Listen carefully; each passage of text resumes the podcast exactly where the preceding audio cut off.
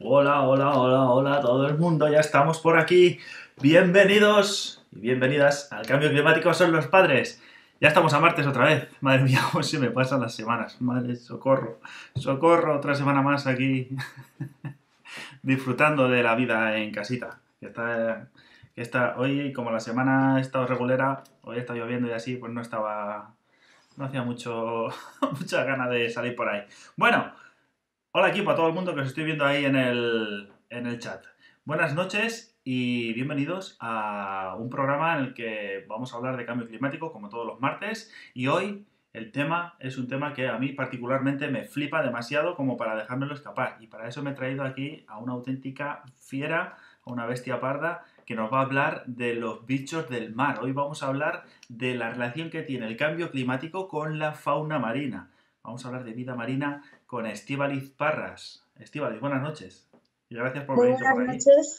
Lo primero, gracias por invitarme y un placer estar aquí para, para acercaros un poquito más de este tema y el mar. Bueno, mola, mola. Estíbaliz es veterinaria de fauna marina, lo cual si ya, si ser veterinario de fauna salvaje mola, si encima ser de bichos marinos ya es como el, el, el no va más. Y forma parte de la Asociación Sanamares, ¿no? Cuéntanos un poco lo primero que haces, Estíbaliz, a qué te dedicas exactamente, qué haces ahí con tus bichos marinos y lo segundo, hablamos un poquillo también de Sanamares. Perfecto, bueno, pues eh, soy veterinaria, como bien has dicho, de fauna marina, eh, me dedico a conservación, siempre he querido trabajar y, tra y, trabajo, bueno, hasta hace poco, porque ahora con la situación que hay, no tanto, en conservación y por lo tanto, sobre todo centros de recuperación, eh, recogida de animales, asistencia a animales varados, uh -huh. necropsias de animales muertos, que es abrir eh, básicamente bichos muertos e investigarlos por dentro y sobre todo proyectos de conservación relacionados con el medio marino. Y Sanamares pues, es un proyecto de, de colaboración con el medio marino a través de charlas, también talleres, eh, proyectos de conservación y limpiezas tanto de playa como subacuática. Uh -huh. Joder, qué guay, cómo mola. Eh, cómo mola, cómo mola. ¿Y tenéis algún, algún proyecto así eh, concreto en el que estés ahora metido? ¿Algún jardín especial? Bueno, no ahora mismo, no ahora mismo, antes cuando, cuando todavía el mundo era mundo. Eh, sí, teníamos el proyecto, teníamos sobre todo uno que es de recogida de tiburón, huevos de tiburón y de raya, que uh -huh. ayuda un poco a, a, conocer las poblaciones que podemos tener cercanas de, en costa de las especies presentes.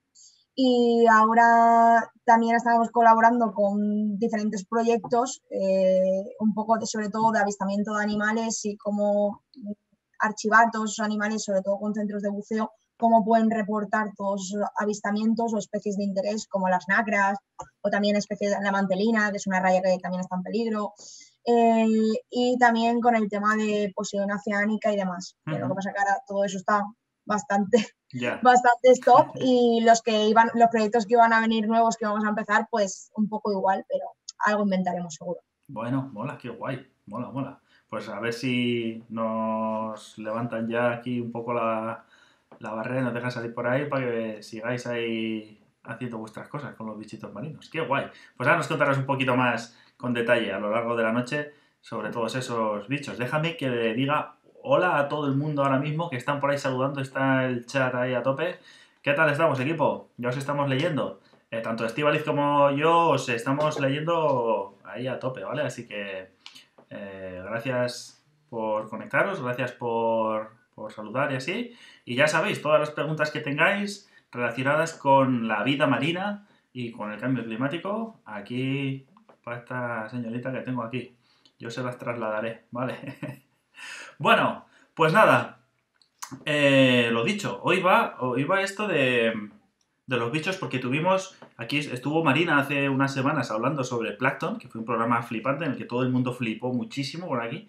Vimos, hablamos de los bichitos pequeñitos, tanto de los animales como de las plantas así eh, pequeñitos, pequeñitos, pero hoy vamos a hablar de los animales y de las plantas que se ven, que no hace falta un microscopio para verlos, de los que se ven a simple vista, o bien buceando o bien desde un barco, como, como hace Estival y cuando se va por ahí eh, a ver bichos, qué guay. Entonces, eh, lo primera, bueno, la primera sí pregunta que, que yo tengo es, es eh, ¿qué, si, si esto, si, el cambio climático también afecta obviamente a los bichos, o sea, eso está claro, ¿no? ¿Y cómo? ¿Cómo puede afectar así en líneas generales, aunque ahora iremos en detalle, pero cómo, cómo afecta a la vida marina el cambio climático? Pues realmente hay muchos estudios y lo que se ha visto con esto es que, de hecho, hay estudios que ya están contrastando que inclusive el cambio climático afecta más a, los animales marinos que a los terrestres, son más sensibles a, esos cambios. Por lo tanto, eso es, eh, un poco, es negativo en el sentido de que, claro, el 70% de la Tierra es agua, ¿no? Entonces estamos hablando de que empezamos, empezamos ya mal, empezamos ya mal.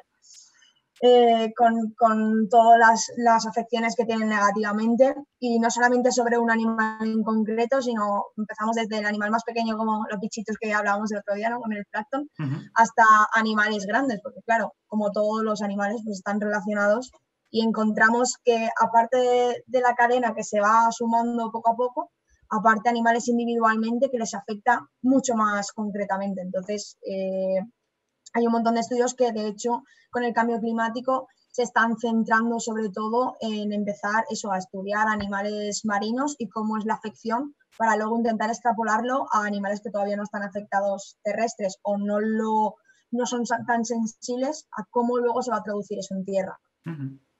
Joder, qué, qué, curioso. O sea, que a ver, estaba claro, no es ningún secreto que le afecta a los bichos, pero pero claro, no deja de llamar la atención que justamente, eso, o sea, a los bichos marinos justo son a los que más, em, los más fastidiados con este tema, ¿no?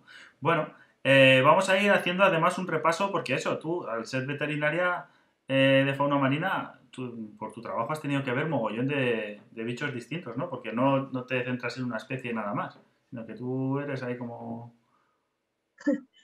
Intento, bueno, eh, lo que más he trabajado es con tortugas marinas, porque es lo que más llega a los centros de recuperación. Eh, además, el resto, el resto de animales llega, pero generalmente pues llegan ya muertos, entonces experiencia a la hora de, abrir los muertos, pues mucha. Eh, trabajo con vivos, pues cuando he participado en alguna campaña de avistamientos y todo también. Pero sí que es cierto que en recuperación, cuando llegan ya con problemas, lo que haces es eh, tratar al animal y generalmente, por desgracia, las tortugas son animales muy resistentes, lo cual es positivo y negativo, eh, porque no sabes cuándo mm, decidir cuándo tiene que llegar el fin de ese animal, eh, hablando claramente, es decir, te llega un animal y al ser tan resistentes muchas veces te cuesta saber cuándo ese animal tiene que merece la pena o tienes que eutanasiar a ese animal porque no es compatible con la vida. Entonces, sobre todo cuando estás en un centro donde no tienes los medios como para poder ver qué está pasando ese animal. Entonces, claro, como son tan resistentes, muchas veces aguantas en un animal, aguantas un animal, el animal acaba muriendo, en el caso de las tortugas, y luego abres y ves realmente pues, que la que tenía viada adentro eh, le hubieras podido ahorrar un mes de que el animal realmente ha estado sufriendo, ¿no? Porque cuando hablas, por ejemplo, de tortugas, que son, o sea, hay eh, ¿hay una especie de tortuga nada más o son varias o cómo, qué, tipos de tortugas hay? Por ejemplo, tú trabajas en el Mediterráneo, ¿no? Eh, sí, tenemos en, el mundo tenemos siete especies de tortugas. Bueno, hay gente que dice que, ocho, porque hay una, una, que parece que tiene como dos, dos subespecies, pues pero bueno, siete, ocho, para que nadie, sí, para que nadie se nos enfade, siete, ocho. Y, y, realmente aquí presente en el Mediterráneo hay tres, pero con, brutal, brutal diferencia. Eh, hay una que es como la, señora del mar Mediterráneo, que es la tortuga careta careta, que es la tortuga boba que le llaman eh, cariñosamente los, los pescadores, la bautizaron así. ¿Por qué? ¿Por qué se le llama boba? Se le llama boba porque Para ponerle el nombre así Exacto. Se, le llama boba o cabezona. Cabezona porque en comparación con el resto de tortugas eh, tiene la cabeza en proporción con el cuerpo más grande. Y boba se lo pusieron los pescadores porque se, sale a insolarse al sol.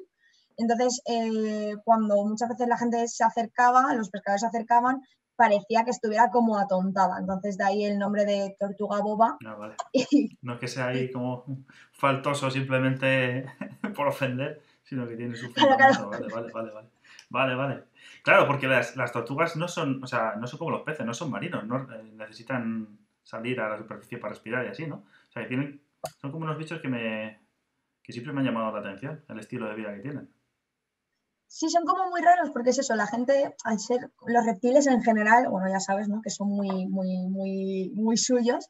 Y son animales que al estar en el medio marino, mucha gente no tiene claro que tienen pulmones, eh, no tiene claro que, como reptiles necesitan eh, la luz solar, es muy importante para ellos. Mucha gente no sabe, si es marino, es como que es marino, ya no es de tierra, ¿no? Entonces no, no entienden que salen fuera a poner, a poner huevos. Y la gente con las tortugas marinas tiene muchos problemas de saber dónde, dónde meterlos y, y, al contrario también, ¿no? Porque esto presenta un problema sobre todo cuando la gente, en una zona de, mm, donde hay dunas, etcétera, hay especies de tortugas que son terrestres, semiacuáticas, y mucha gente que se las encuentra y salva la tortuga devolviéndola, devolviéndola al mar y, y justamente no es una marina, ¿no? Eso nos ha, nos ha pasado alguna vez. Joder. Bueno, em, ¿y qué, cómo trabajas entonces con ella? ¿Tú, tú exactamente con las tortugas qué haces? Eh, ¿Atenderlas una vez llegan a tierra, por decirlo así? ¿O tú sales a buscarlas? O a... ¿Cómo funciona? Explícanos para que, para que sepamos así un poquillo cómo es el día a día de, una rescatadora de tortugas profesional. Es que es una, es una profesión ahí muy bolona. ¿eh? Pues, eh, a ver, depende siempre eh, dónde, se, dónde se trabaje con ellas, ¿no? Porque, em, es decir, cuando he trabajado, hay centros donde he trabajado que realmente pues es llegada que, porque te dan el aviso, entonces tú vas a recoger el animal, generalmente es por interacción con pesca o porque un usuario ha visto en la playa una tortuga. Entonces, cuando un usuario ha visto en la playa una tortuga es porque puede ser que haya una presencia de un nido y cuando es un, por interacción por pesca, pues puede ser porque el animal tenga pues algún problema asociado a que la hayan cogido con la red. Y también llegan avisos de pescadores o gente que va con la barca que te da el aviso porque se ha encontrado un animal que presenta una herida en caparazón que suele ser por interacción de colisión con las embarcaciones que, la hélice o bien la quilla la pasa por encima y le ha roto. Entonces, eh, uno es la asistencia que hace sobre el animal en problema y otro sería en playa, pues si hay un nido o se detecta un nido, pues eso es otro trabajo totalmente diferente. Te dicen que, que suena, suena maravillosamente bien, eh, rescatadora de, tortura, de tortugas profesional, que te imaginan eh, surfeando una ola montada en una tortuga, así con, y los dos con gafas de sol. ¿Es, tan guay como suena? ¿O, tiene ahí sus, eh, sus cosas poco románticas? A ver, es, es, muy, yo para mí evidentemente, como no, si no, no me dedicaría a esto, el trabajo de conservación es muy gratificante porque estás ayudando a la fauna salvaje, encima la fauna marina que es como tan desconocida, yo creo que a la gente que nos gusta el mar es como tan intrigante y enigmático que te, que, te engancha, ¿no? Totalmente. Y, y, es muy guay, es muy guay, pero sí que es cierto que tiene su parte, su parte cruda. Trabajar en conservación muchas veces es trabajar sin medios, muchas veces es trabajar con gremios difíciles, muchas veces es eh, tocar o encontrarte con animales que no puedes hacer nada, o lo único que puedes hacer es eh, disminuir su sufrimiento, ¿no? Eutanasiándolos. Entonces, claro, tienen su parte cruda, pero bueno, yo creo que cualquier cosa pequeñita que consigues trabajando en esto eh, te, te, suma por por las, todas las malas que hay, ¿no? Entonces, sí, es muy guay. En resumen, diría que, para mí el trabajo perfecto, sin duda. Hola, hola, joder, qué guay. Bueno, y nada, eso, bueno, aprovecho que he visto que, eh, que, ya poco a poco se han ido conectando más gente, así que hola a todo el mundo, gracias por haberos conectado y por estar aquí escuchando el programa de hoy, que va sobre fauna marina y sobre cómo le afecta el cambio climático, si le afecta para bien, si le afecta para mal, porque el cambio climático, por ejemplo, Estivaliz, eh, es algo que afecte negativamente, le afecta mal a todas las especies que hay en el mundo, a todos los bichos, a todas las plantas. Es como eh, una lacra mala para todo el mundo, o les afectan de, distinta manera a unos, a otros. Afecta de diferentes formas. En general, negativo para todos, ¿no? Eso, para, que quede claro, ¿no? Porque em, sí, que hay, sí que hay animales, por ejemplo, eh, plantas que presentan como una adaptación, pero estamos en el problema de siempre, ¿no? Cambios adaptativos son cuando tienes un tiempo el animal para adaptarse.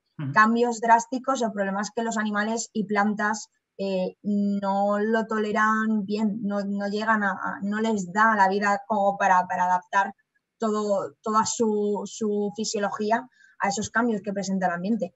Sí que hay, por ejemplo, estudios que son más esperanzadores, eh, que te dicen que, por ejemplo, hay muchas algas, no todas, pero muchas, que eh, les afectan negativamente, sin embargo, hay plantas marinas en las que el cambio climático se está viendo que favorece el crecimiento o favorece, por ejemplo, la adaptación. En el caso, por ejemplo, de la posidonia oceánica, que es eh, la planta más importante del Mediterráneo, es la típica que aparece. Lo que parece que está lleno de porquería en las playas. Que está... Exacto, exacto. Que la gente lo quita porque se piensa que es basura. Y es, o sea, es como, unas, como restos así secos, marrones, como, como de papel. Así como eso es. Eso es posidonia. Eso ¿Y eso qué es? Que... es? como un alga o algo? Como... Es, eh, eso es una planta es totalmente esencial, es el pulmón del, del, mar Mediterráneo. La poca calidad de agua que queda, si queda algo, es gracias a esa planta, por lo tanto importante. y, y, cuando se muere, pues llega a la costa. Mucha gente la quita, porque sobre todo por turismo, pues me da asco tocarla, a los turistas no les gustan, la quitan. Y es una barrera natural, impide que cuando hay una tormenta o algo, pues te, te quite metros de playa y muchos animales que utilizan esa planta muerta. Daniel, dice Daniel, perdona, ¿eh? que es que justo acabo de leer que ha dicho que la posidonia es espectacular verla buceando. Son esas, o sea, es, como el césped ese gigante verde que hay como cuando buceas y miras, ¿no? Y, está así Eso es. Mucha gente lo tiene como, o sea, porque claro, mucha gente no, el problema con, con muchos animales y con plantas del mar es que la gente no empatiza porque evidentemente no es lo mismo que ver una tortuga o un delfín que ver una concha o ver una posidonia que es césped largo, como, como, bien, como bien habéis dicho, es que césped largo, no es otra cosa, y que digas, qué bonito, voy a querer a, la posidonia, ¿no? Pues no, no, genera la misma, la misma empatía.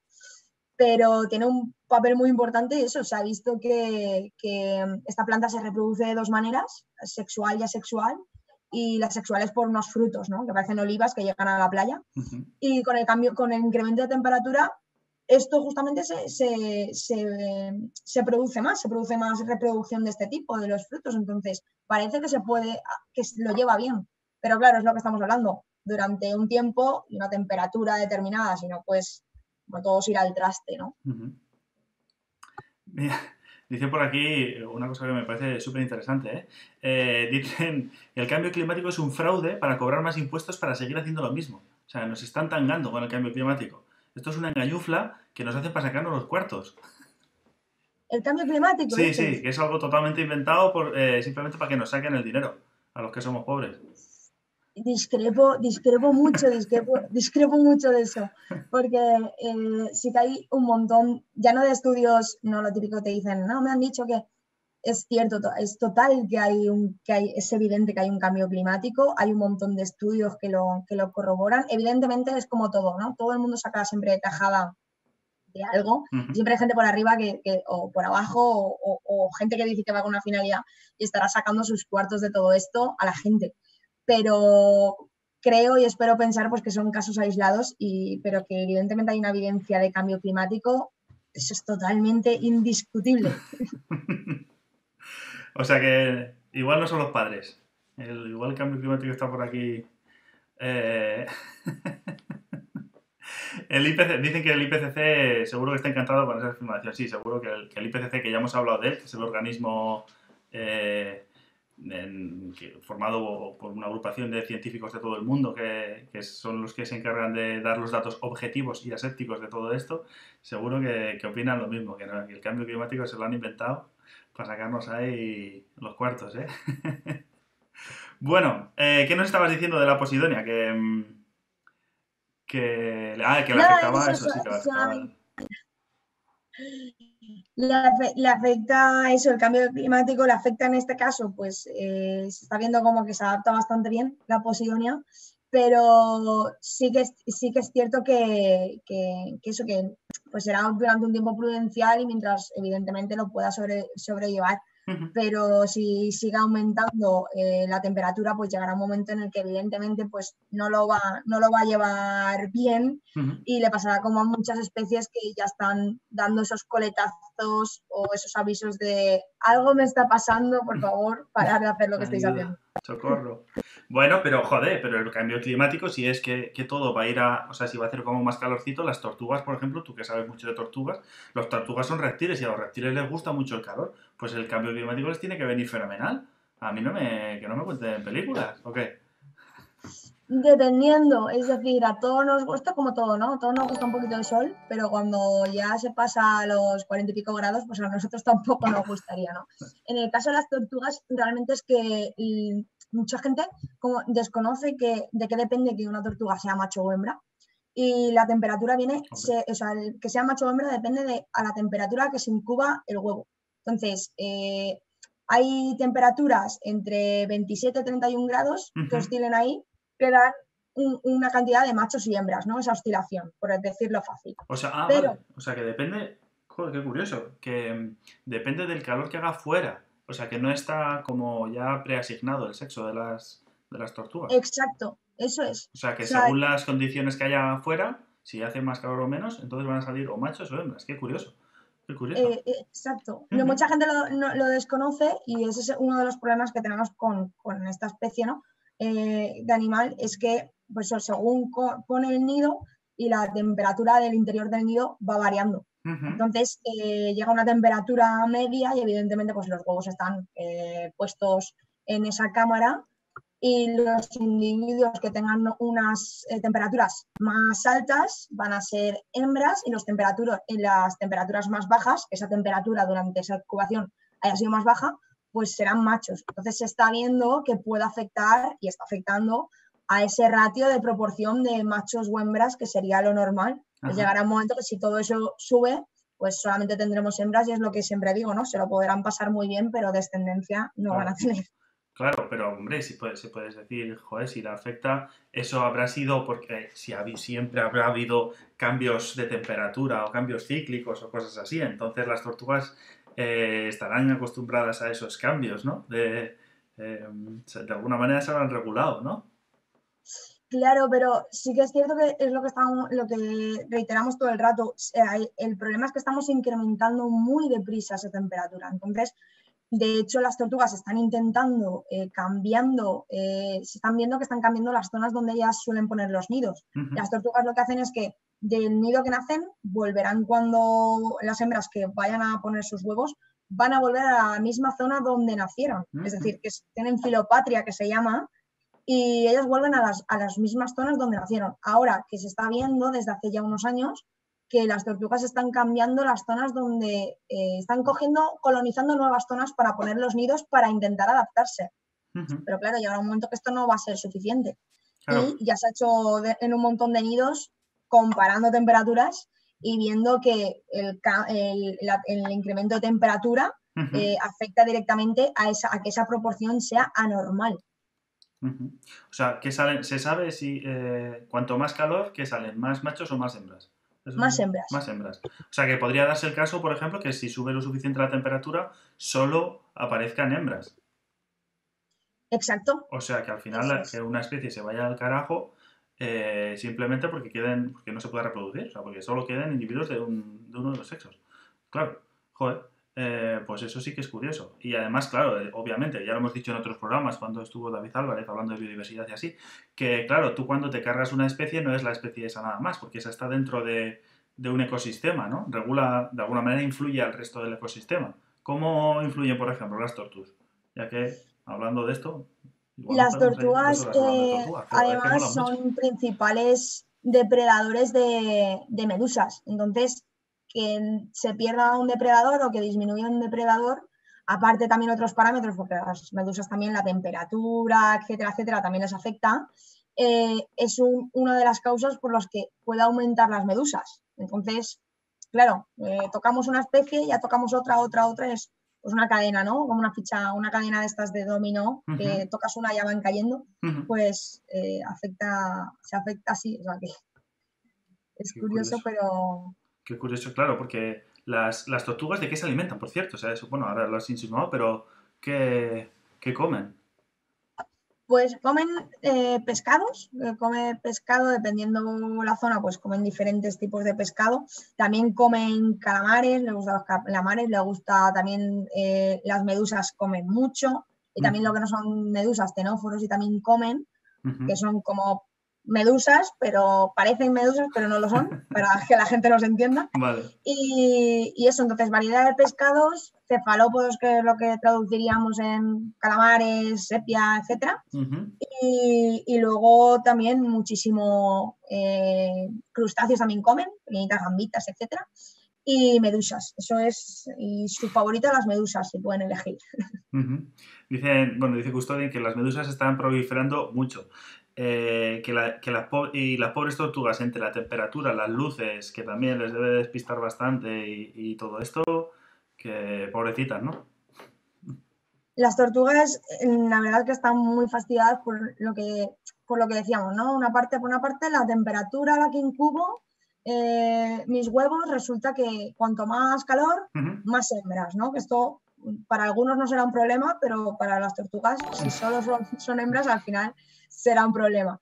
Luego, por otra parte, también esto hay que añadir que, por ejemplo, ahora se están haciendo muchos estudios de plástico en la arena. Entonces, la presencia de microplástico en la arena, como el plástico retiene calor, todavía puede aumentar más la temperatura de la arena. Entonces, estamos sumando ya ahí dos factores, cambio climático y eh, contaminación de playas, que eso ya multiplica como por dos ese grado, ¿no?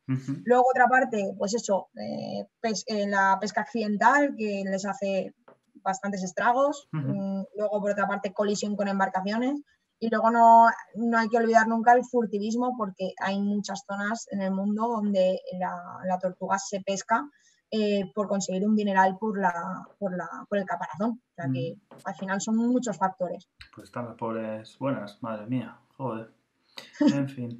Bueno, eh, aprovecho y recuerdo y saludo a toda la gente que va conectándose ahora y va saludando por ahí por el chat también. Y recuerdo a todo el mundo que os podéis suscribir ya, que ya tenemos un montón de suscriptores, que el sábado pasado hicimos un directo especial con los suscriptores y, ya tenemos mogollón, mogollón. Así que os invito a quien no seáis todavía eh, suscriptores que, le deis por ahí al botón ese morado que tenéis por ahí. Bien que os hagáis suscriptores directamente o bien que podéis enlazar eh, vuestra cuenta de Amazon Prime, que es eh, de forma gratuita, simplemente es enlazarla y, podréis eh, ser subscribers, disfrutar de un montón de ventajas, como por ejemplo los emotes esos que tenemos por ahí. Hay un botón, exactamente, hay un botón para suscribirse, esa es, esa es, esa es la jugada. Y, luego eso, te echas unas risas, tenemos un montón de emotes ya, ya no sé cuántos llevamos, llevamos ahí la repera, de Ahí está el burrito Crespo, tenemos ahí a Nevesu, Prey, Nevesu, y luego encima eh, que os podéis venir al Discord, que hemos hecho un Discord solo con suscriptores, así que ahí nos echamos unas buenas risas, ¿eh? ahí, ahí, a tope, a tope. Joder, si ahí ya mogollón, si está ahí también Ignacio con, con la pistola de agua, y si no te suscribes, te revientan, eso es así, eso es así, a tope ahí. Saludos desde Segovia, pues hola, hola David, hola, desde Segovia, qué guay. Em, bueno, perdona, siempre que tenemos que meter ahí la, cuña de publicidad, que si no luego Arcadi me da caña. Está ahí nada, nada. con la escoba detrás mío, que tengo que decir que se suscriban todos. Que... Bueno, pues nada, eso, que, em, entonces estábamos hablando de tortugas, pero hay más bichos por ahí en el mar, hay más, más bichos a los que les afecta también el cambio climático, en definitiva, ¿no? Em, por ejemplo, así que se me venga, porque por ejemplo, pues eso, así, los peces, se puede decir como los peces en general, que es como lo que en uno, uno piensa cuando piensa en el mar, son los peces. Entonces, a los, peces así en general también, eh, ¿cómo les puede afectar esto, toda esta película del cambio climático? Los peces en general, eh, dependiendo de las especies, como todo, ¿no? Pero las especies suelen tener como un rango límite eh, que toleran la temperatura, ¿no? Pues no son animales que dependen mucho de la temperatura que hay en el medio, entonces tienen como un rango en, los que ellos están bien. O puedes subir un poco, puedes bajar, están guay, pero hay especies que sí que tienen un rango muy limitado. Entonces, con cambios de medio grado, un grado, dos grados, hay poblaciones enteras que ni adaptación ni nada, o sea, directamente hacen chao y, y, te cargas a toda, a toda la población.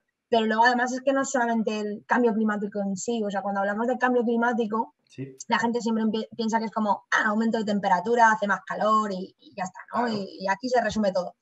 pero realmente va asociado al cambio climático es a, los, a, los, gases, ¿no? A la emisión de gases de efecto invernadero. Entonces, eh, entre ellos metano y dióxido de carbono, ¿no? Los más conocidos. Y, es, y eso se capta en el, en el océano, lo que hace es absorber ese dióxido de carbono. Y por lo tanto, lo que produce eso es una acidificación, que suena como un nombre muy raro, pero simplemente es que está más ácido el mar de lo que tiene que estar. Entonces, claro, eso sí que ya tiene un problema muy serio con animales que les afecta, pero con peces en general, sobre todo si hablamos de tiburones y rayas, que a mí me gusta hablar mucho de tiburones y rayas, eh, les afecta muchísimo desde reproducción, porque su, el esperma tiene que activarse y con ciertas acideces, eh, acidez no se, no se podría afectar negativamente. Luego, aparte del cartílago de peces en general, no cartilaginosos como es rayas y tiburones, sino peces óseos también, que todo el carbonato cálcico, que es de la estructura que se hace en esos esqueletos, ¿no? Pues se ve afectada también porque el cambio climático eh, afecta a ese ciclo. Entonces, claro, no vuelve esa cantidad que debería el océano y por lo tanto las estructuras eh, óseas eh, o cartilaginosas no son de la calidad que deberían de ser. Entonces, claro, ya vamos viendo que, una cosa que parecía como tan ambigua o tan puntual, vemos que tiene una traducción mucho más amplia de lo que... que no es que simplemente se caliente, sino que esto es un despelote por todos los lados. en resumen, perdonadme si me pongo especialmente técnico a veces, pero utilizo un lenguaje demasiado científico, pero sí, estamos comprobando todos los programas que el cambio climático es un despelote a nivel general. Que mm, nos preguntan por aquí una, pregunta que, es interesante y que suele salir también, y más ahora. Que nos dicen que con, eh, con este tema del confinamiento y tal, que si se podría afectar de forma positiva al cambio climático. Lo vimos, por ejemplo, la semana pasada que hablamos de meteorología, porque claro, esto puede afectar de muchas maneras distintas.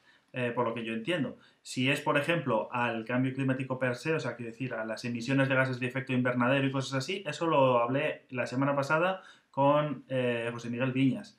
Eh, que es meteorólogo, y nos estuvo explicando que el hecho que, claro, ahora nos hemos parado y ahora se han, disminuido, vamos, han caído las emisiones, obviamente, es de esperar, han caído. Pero como van a ser, que, que van a ser, están siendo unas semanas y van a ser como mucho unos pocos meses, y que eso de forma general al, clima a largo plazo no le va a afectar. Y se, está comprobando y se está poniendo con números ya y todo.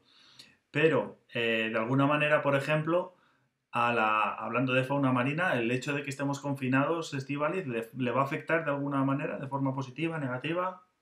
Aprovecho y, cambio ahí un poco la pregunta para, para meterla con el tema del programa.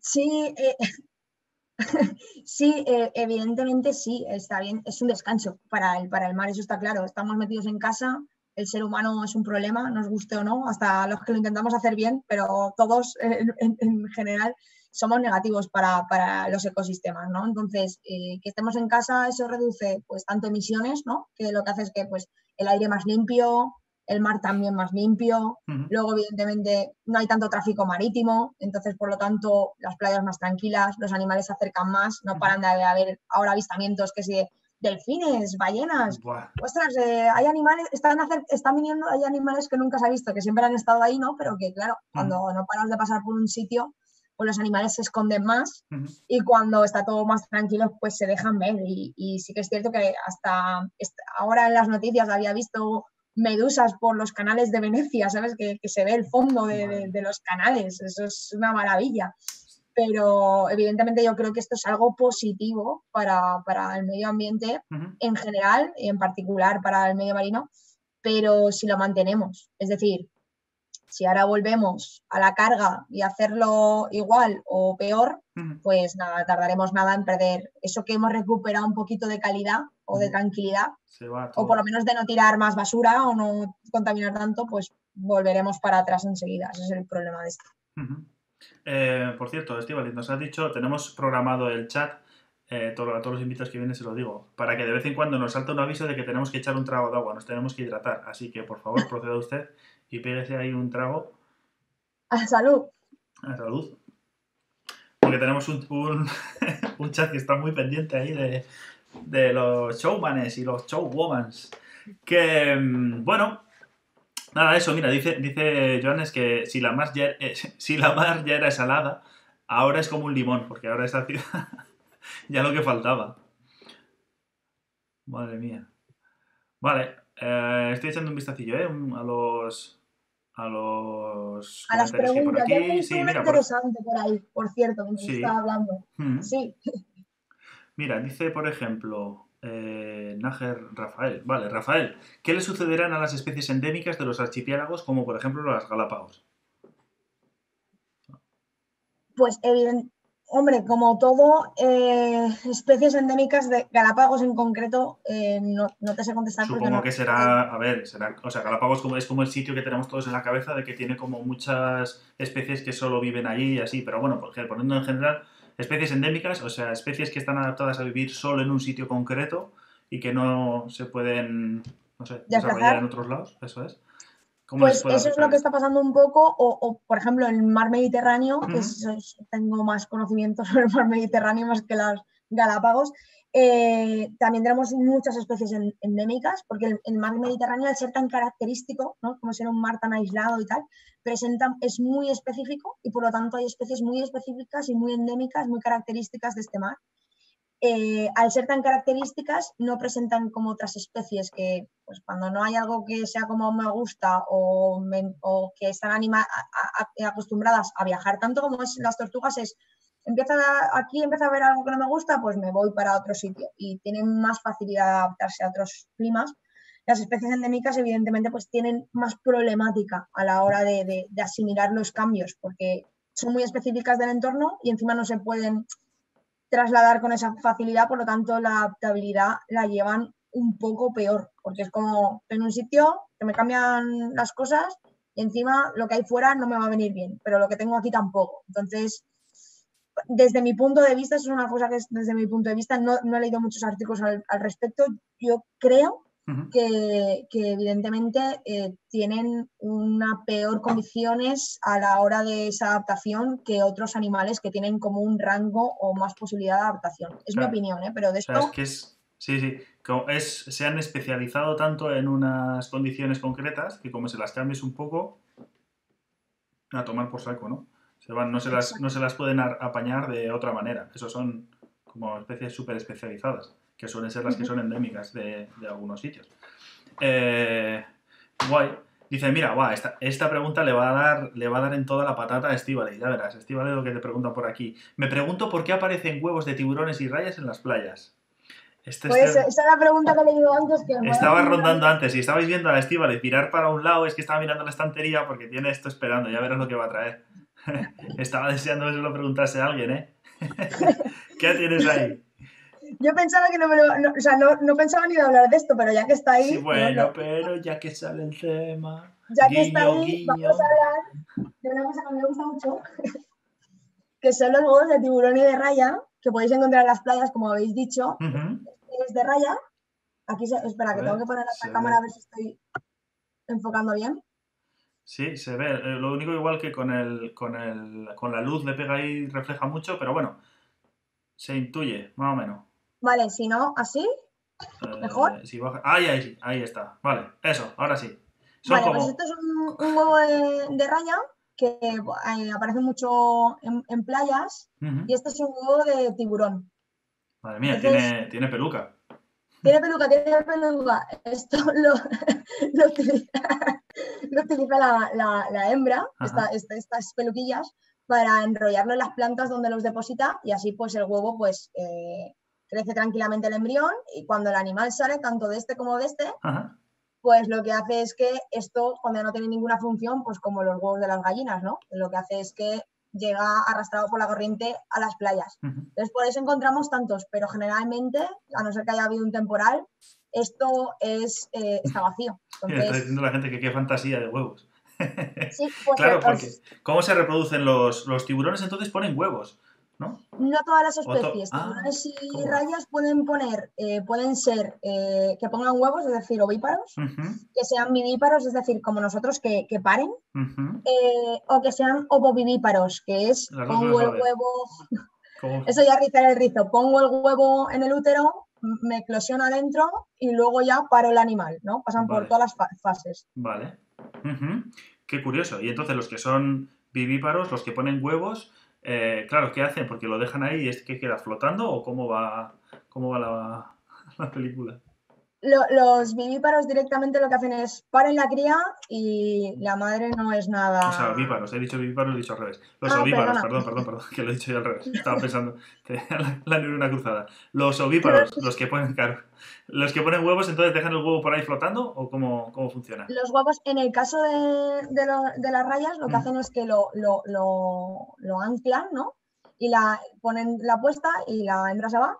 Y en el caso del- de nuestro amigo el peluca, que me ha gustado tu, tu, tu definición, eh, lo que hace la hembra es que lo enrolla. Generalmente lo suele enrollar en, en plantas eh, o Ah, algas, queda ahí fijo y entonces se va. Unos lo anclan y la otra lo, lo enrolla. Estos zarcillos que se llaman los filamentos los, los enrolla y suele poner pues un, todos los huevecitos juntos. Luego os he traído uno muy diferente, que este, este es la joya de la corona, que esta no es de aquí del Mediterráneo ni nada, está en el Pacífico, en el Índico y tal. Pero, no sé esto es un huevo de tiburón. Toma, chaval. ¿Qué estás diciendo? ¿Qué estás Es un huevo diciendo? de, Pero si de eso es tiburón súper fantasía. raro, súper raro. Pero si eso es de un videojuego o algo, o sea, eso es, eso es de dibujos animados. Si es como un taladro ahí. Eso. no me quiero ni imaginar lo que hace con el huevo ese. Un tornillo, pues imagínate, Es ¿tú qué harías con él? Es un tornillo, ponérmelo de sombrero. Eso es un fósil, dicen. ¿Y qué? ¿Y cómo? ¿Eso qué, qué, qué funcionalidad tiene? ¿Para qué, para qué se, po- se ponen los huevos así? ¿Cómo puede ser? Por favor. Está flipando. La gente en el chat está flipando eh, como yo. No, más todavía.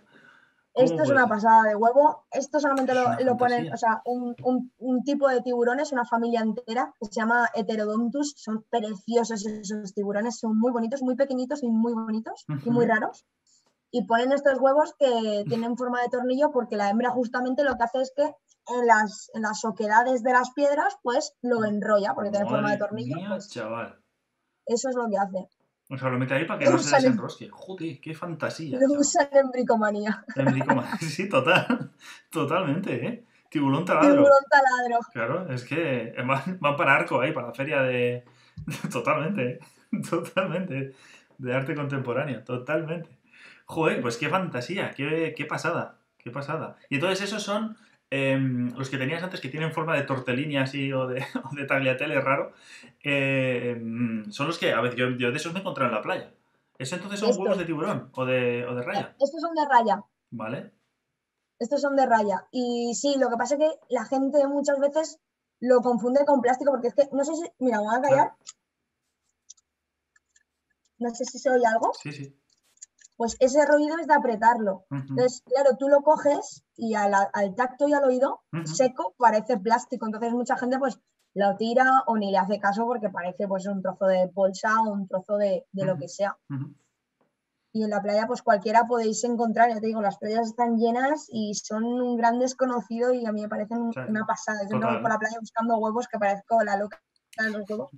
Y eso, o sea, eso ya entonces entiendo que ahí ya no está el bicho, ¿no? Que eso es como la carcasa que ya no, no, no es útil, digamos, para el tiburón y se lo lleva a la marea y lo arrastra hasta las playas o así, ¿no? Exacto. Y eso exacto. sirve... ¿Y qué hay que hacer con eso? ¿Eso es basura? ¿Luego hay que tirarlo a la basura o algo? Como... No, no, no, nada. eh, Lo, lo que está en el mar, yo siempre explico que lo que está en el mar o en la, o en la playa, lo que es del mar, si se tiene que quedar en el mar, sea vivo o muerto, ¿no? Tiene un- eso tiene una función eh, y determinada y que luego se degrade y vuelva al mar, pues es importante para, para que las propiedades no, no se alteren. Entonces, eh, nunca tocarlo, nunca tirarlo. Hay un, un par de proyectos ahora que están, est- que ya desvelaremos porque ahí hay, que, hay mucho que hacer, pero sí que nos, eh, hay un proyecto en el que participamos que justamente va de eso, de, de incitar a la gente a que los coja para luego poderlos mostrear y, y así saber qué especies hay, porque el, el tortellini que tú le llamas, no todas las especies de rayas ponen los mismos tortellini, ¿no? Entonces, según como sea, pues es uno u otro y esto pues da un montón de información súper útil. O sea que mejor dejarlo ahí, ¿no? Y si me, y me lo puedo llevar a casa para coleccionar, para... No. ¿Cómo que no? Pero si son muy bonitos, si yo quiero uno para mi salón. No hay que tocar, no hay que tocar nada, esto como lo de las conchas, ¿no? Que siempre tenemos el, también el problema de las conchas, ¿no? Que la gente, concha bonita que veo, cosa bonita que veo del mar, me lo llevo. Claro. Bueno, si total por uno. Claro, bueno, si la traducimos a todos los millones de personas que somos, ¿no? Eh, esto es como cuando empezamos con lo del contagio, ¿no? Que, ah, total, hay tres casos. Pues, pues esto, esto, es un poco lo mismo, ¿no? Nos vamos sumando al carro y al final no, no se traduce en una concha o en un huevo, sino, o en que se lleva una estrella de mar o que coge un pulpo y se lo lleva, ah, sino se traduce en toda la gente que lo hace. Entonces, al final, te parece algo muy pequeñito o insignificante, pasamos a números que ya son más, más preocupantes. Claro, porque están diciendo, claro, estás diciendo ahí que no se lo lleve la gente y tú los tienes ahí en casa. ¿Tú por qué tienes ahí o para qué los tienes? Claro, yo tengo una justificación muy buena. Claro que quiero que, quiero que conste en acta, quiero que conste en acta quiero que conste en acta, en acta y yo utilizo esto, eh, nosotros hacemos divulgación, entonces es importante cuando vamos a una limpieza de playa, para que, la, por ejemplo, una limpieza de playa, o explicar a la gente que esto cuando lo vea que no es plástico, sino que esto son huevos, entonces que no los tiren. Entonces sirve uno para eso. En centros de buceo o zonas donde hacemos lo del proyecto de recogida, lo enseñamos para que la gente sepa lo que tiene que recoger. Y luego lo que recogemos y estudiamos, luego lo rompemos y vuelve al mar. Nosotros mm. siempre devolvemos todo al mar. Vale, vale, Bueno, importante. ah, vale. Entonces tienes ahí tu justificación. De, eh, entonces me quedo. Buena frase, me ha parecido buena frase. Dice Estivali: Lo que está en el mar eh, hay que dejarlo en el mar. Yo iba una vez en una barca con un amigo y se cayó. Y si lo llevas a ver, no lo cojo. Ahí lo dejo. Pues podías haberlo, lo podías haber justificado, depende de lo pesado que era, podías haber dicho, lo podías haber utilizado o no. Eso lo ya... para hacer divulgación. para enseñárselo ahí al resto de la gente. Totalmente. Bueno, bueno, bueno. Vale, vale. Bueno, eh, ¿qué os contáis ahí por el chat? Que estáis, joder, hay mogollón de comentarios, me caga chilomar. Eh, a ver, a ver, a ver, a ver, Ah, bueno, claro, estoy viendo que, le podéis alimentar, que tenemos aquí, este, tenemos un dinosaurio que es la mascota de Stenio TV, que es el dinosaurio ahí que tenemos eh, ahí justo al lado del chat, que se llama Cabeza de Tal, que tiene nombre... ¿Cabeza de Tal? Cabeza de Tal. Tiene nombre binomial, compuesto y, y, lineano total, porque esto es un canal de divulgación científica. Entonces hasta las mascotas tienen nombres frikis científicos. Y lo guay es que la gente del chat le puede dar de comer. Por ejemplo, ahí le están echando de comer, ahí le han, hecho y se acaba de, de papear un negacionista del cambio climático, por ejemplo. Ala. ¡Ostras, qué chulo! Sí, se le puede hacer bailar y todo, hacerle bailar, que es unas risas para que lo vea Estivali. Es unas risas. Entonces está ahí constantemente eh, comentando la jugada y, diciendo ahí historias. Mira, mira, que le van a hacer bailar. Ahí le han hecho bailar. Oye, está genial porque es que yo creo que me, que, me metería, aunque no, aunque el tema que sea, solamente por, por jugar con. Claro, sí, es, que es, es que es la caña. Es que es la caña. Es la caña. Eso, o sea, mola por eso, porque la gente del chat lo puede controlar. Mira cómo baila, mira, mira, si tiene todo el flow. Ahí está, doble. es más activo que nosotros, y más que yo sí. Más deporte que yo aquí en casa ya está haciendo ese, ese bicho. ¿eh? Ya te digo yo que sí, totalmente. Pero eso también tiene un problema, o por lo menos a mí siempre me ha dado un problema este tipo de cosas, y es me, produce falta, falta de atención. No, sé si alguna... yo a veces me quedo embobado. Si, si, notáis que yo que hago silencios largos, no es que me esté dando ahí un, un telele, sino que me estoy quedando viendo al, al, cabrito de cabeza que está bailando ahí, que es un artista, ¿eh? Totalmente. Totalmente. A mí, a mí me pasaba en, en, en la universidad, no, no, sé si eso habrá pasado en clase, me da igual la universidad, qué colegio, me da igual. Cuando ponían los típicos PowerPoints que tenían animaciones, como me pusieras el típico patito que se quita el sombrero, o yo me podía quedar, pero en media presentación, o lo que duraba de diapositiva mirando, ¡ah, qué gracioso, qué gracioso! Y, y, así, y así me costó la carrera de sacarme. ¿no? Sí, se nos la vida, sí, sí, total, yo también. ¿eh? Yo soy muy de hacer esas movidas, totalmente. Totalmente. Bueno, em, no sé, volviendo al tema tiburones, bueno, eso, ya estamos flipando ahí con las puestas de los tiburones y así. Entonces, a estos bichos también les afecta el cambio climático, porque, por ejemplo, a ver, que me entere yo, ¿en el Mediterráneo hay tiburones? Eso para empezar. Dices que sí, ¿no? Porque son los que aparecen en las playas. ¿Y cuántos hay? ¿Cómo, cómo va? Pues se estima que tenemos unas 48 especies de las 48 especies distintas. 48 especies distintas. Algunas que son más características, otras que son migratorias, pero de, en general 48 de las que más eh, se avistan son 34, pero porque hay algunas que hace tiempo que no, que no hay registros, ¿no? Pero unas 48 especies sí, parece. La gente siempre se cree que aquí no hay. Y es un problema porque yo... Pues eh, entonces esto es un problema de salud pública. Esto, todos los seres humanos están... Bueno, ahora ya no, pero cuando volvamos a la playa, esto es un problemón. ¿Qué me estás contando? Con tanto tiburón ahí suelto. Los tiburones son súper importantes y son una herramienta, vamos, que haya tiburones son buena calidad de agua y además siempre tenemos como en la cabeza que cuando pensamos tiburón, siempre nos viene a la cabeza la, típica imagen de, tiburón blanco, tocho, enorme, con dientes gigantes que me va a comer. Y, y, la realidad está muy lejana de eso. La verdad es que hay especies muy eh, pequeñas, hay especies que son de fondo, que viven a 200 kilómetros de profundidad, que, 200 metros de profundidad, que no se van ni a acercar. Y a diferencia de lo que pensamos, no son especies que nos ataquen, no son especies depredadoras del ser humano. De hecho, no les gusta nuestra carne, está súper demostrado. Hay estudios que, un estudio anual que todos los años se hace un estudio de muertes por, a causa de, tiburones, ¿no? Sí. Y la media está entre 5 o 7 seres humanos al año. En el mundo entero. En el mundo mundial. En todo el mundo es de 5 a 7 personas por tiburón. Exacto. Y, la mayoría, por no decir el 95%, porque se han, se han, se confunden con los tiburones, se confunden con los surfistas, estos los grandes tiburones hablando, hablamos, se confunden con los surfistas, con, con focas y con leones marinos, que sí que les gusta mucho comer y por eso los atacan. Los atacan, los muerden, no les gustan, los sueltan, pero claro, lo que explicamos siempre. ya está hecho. Claro, no es lo mismo cuando. Esto es como los perros peligrosos, ¿no? Un poco para poner en situación. a mí siempre, yo, siempre he dicho que los perros pequeños tienen más malas pulgas que, los, grandes. Sí, sí, sí. Pero claro, eh, cuando te muerde un perro pequeño, pues te acuerdas de, toda la camada, ¿no? Te acuerdas de la camada de la madre y de la que parió la madre.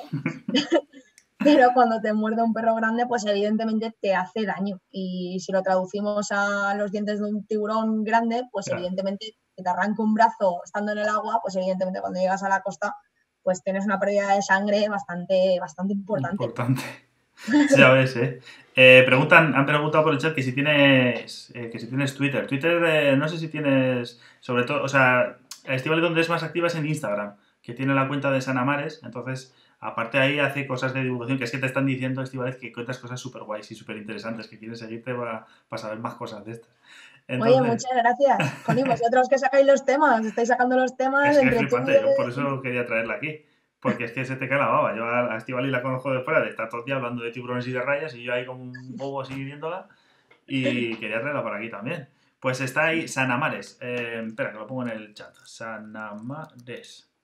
Ahí lo tenéis. Buscadla en Instagram Em, que ahí la tenéis, además sube fotos guays y tal. Así que, además, así conocéis un poquito más también el proyecto que, está llevando a cabo y así.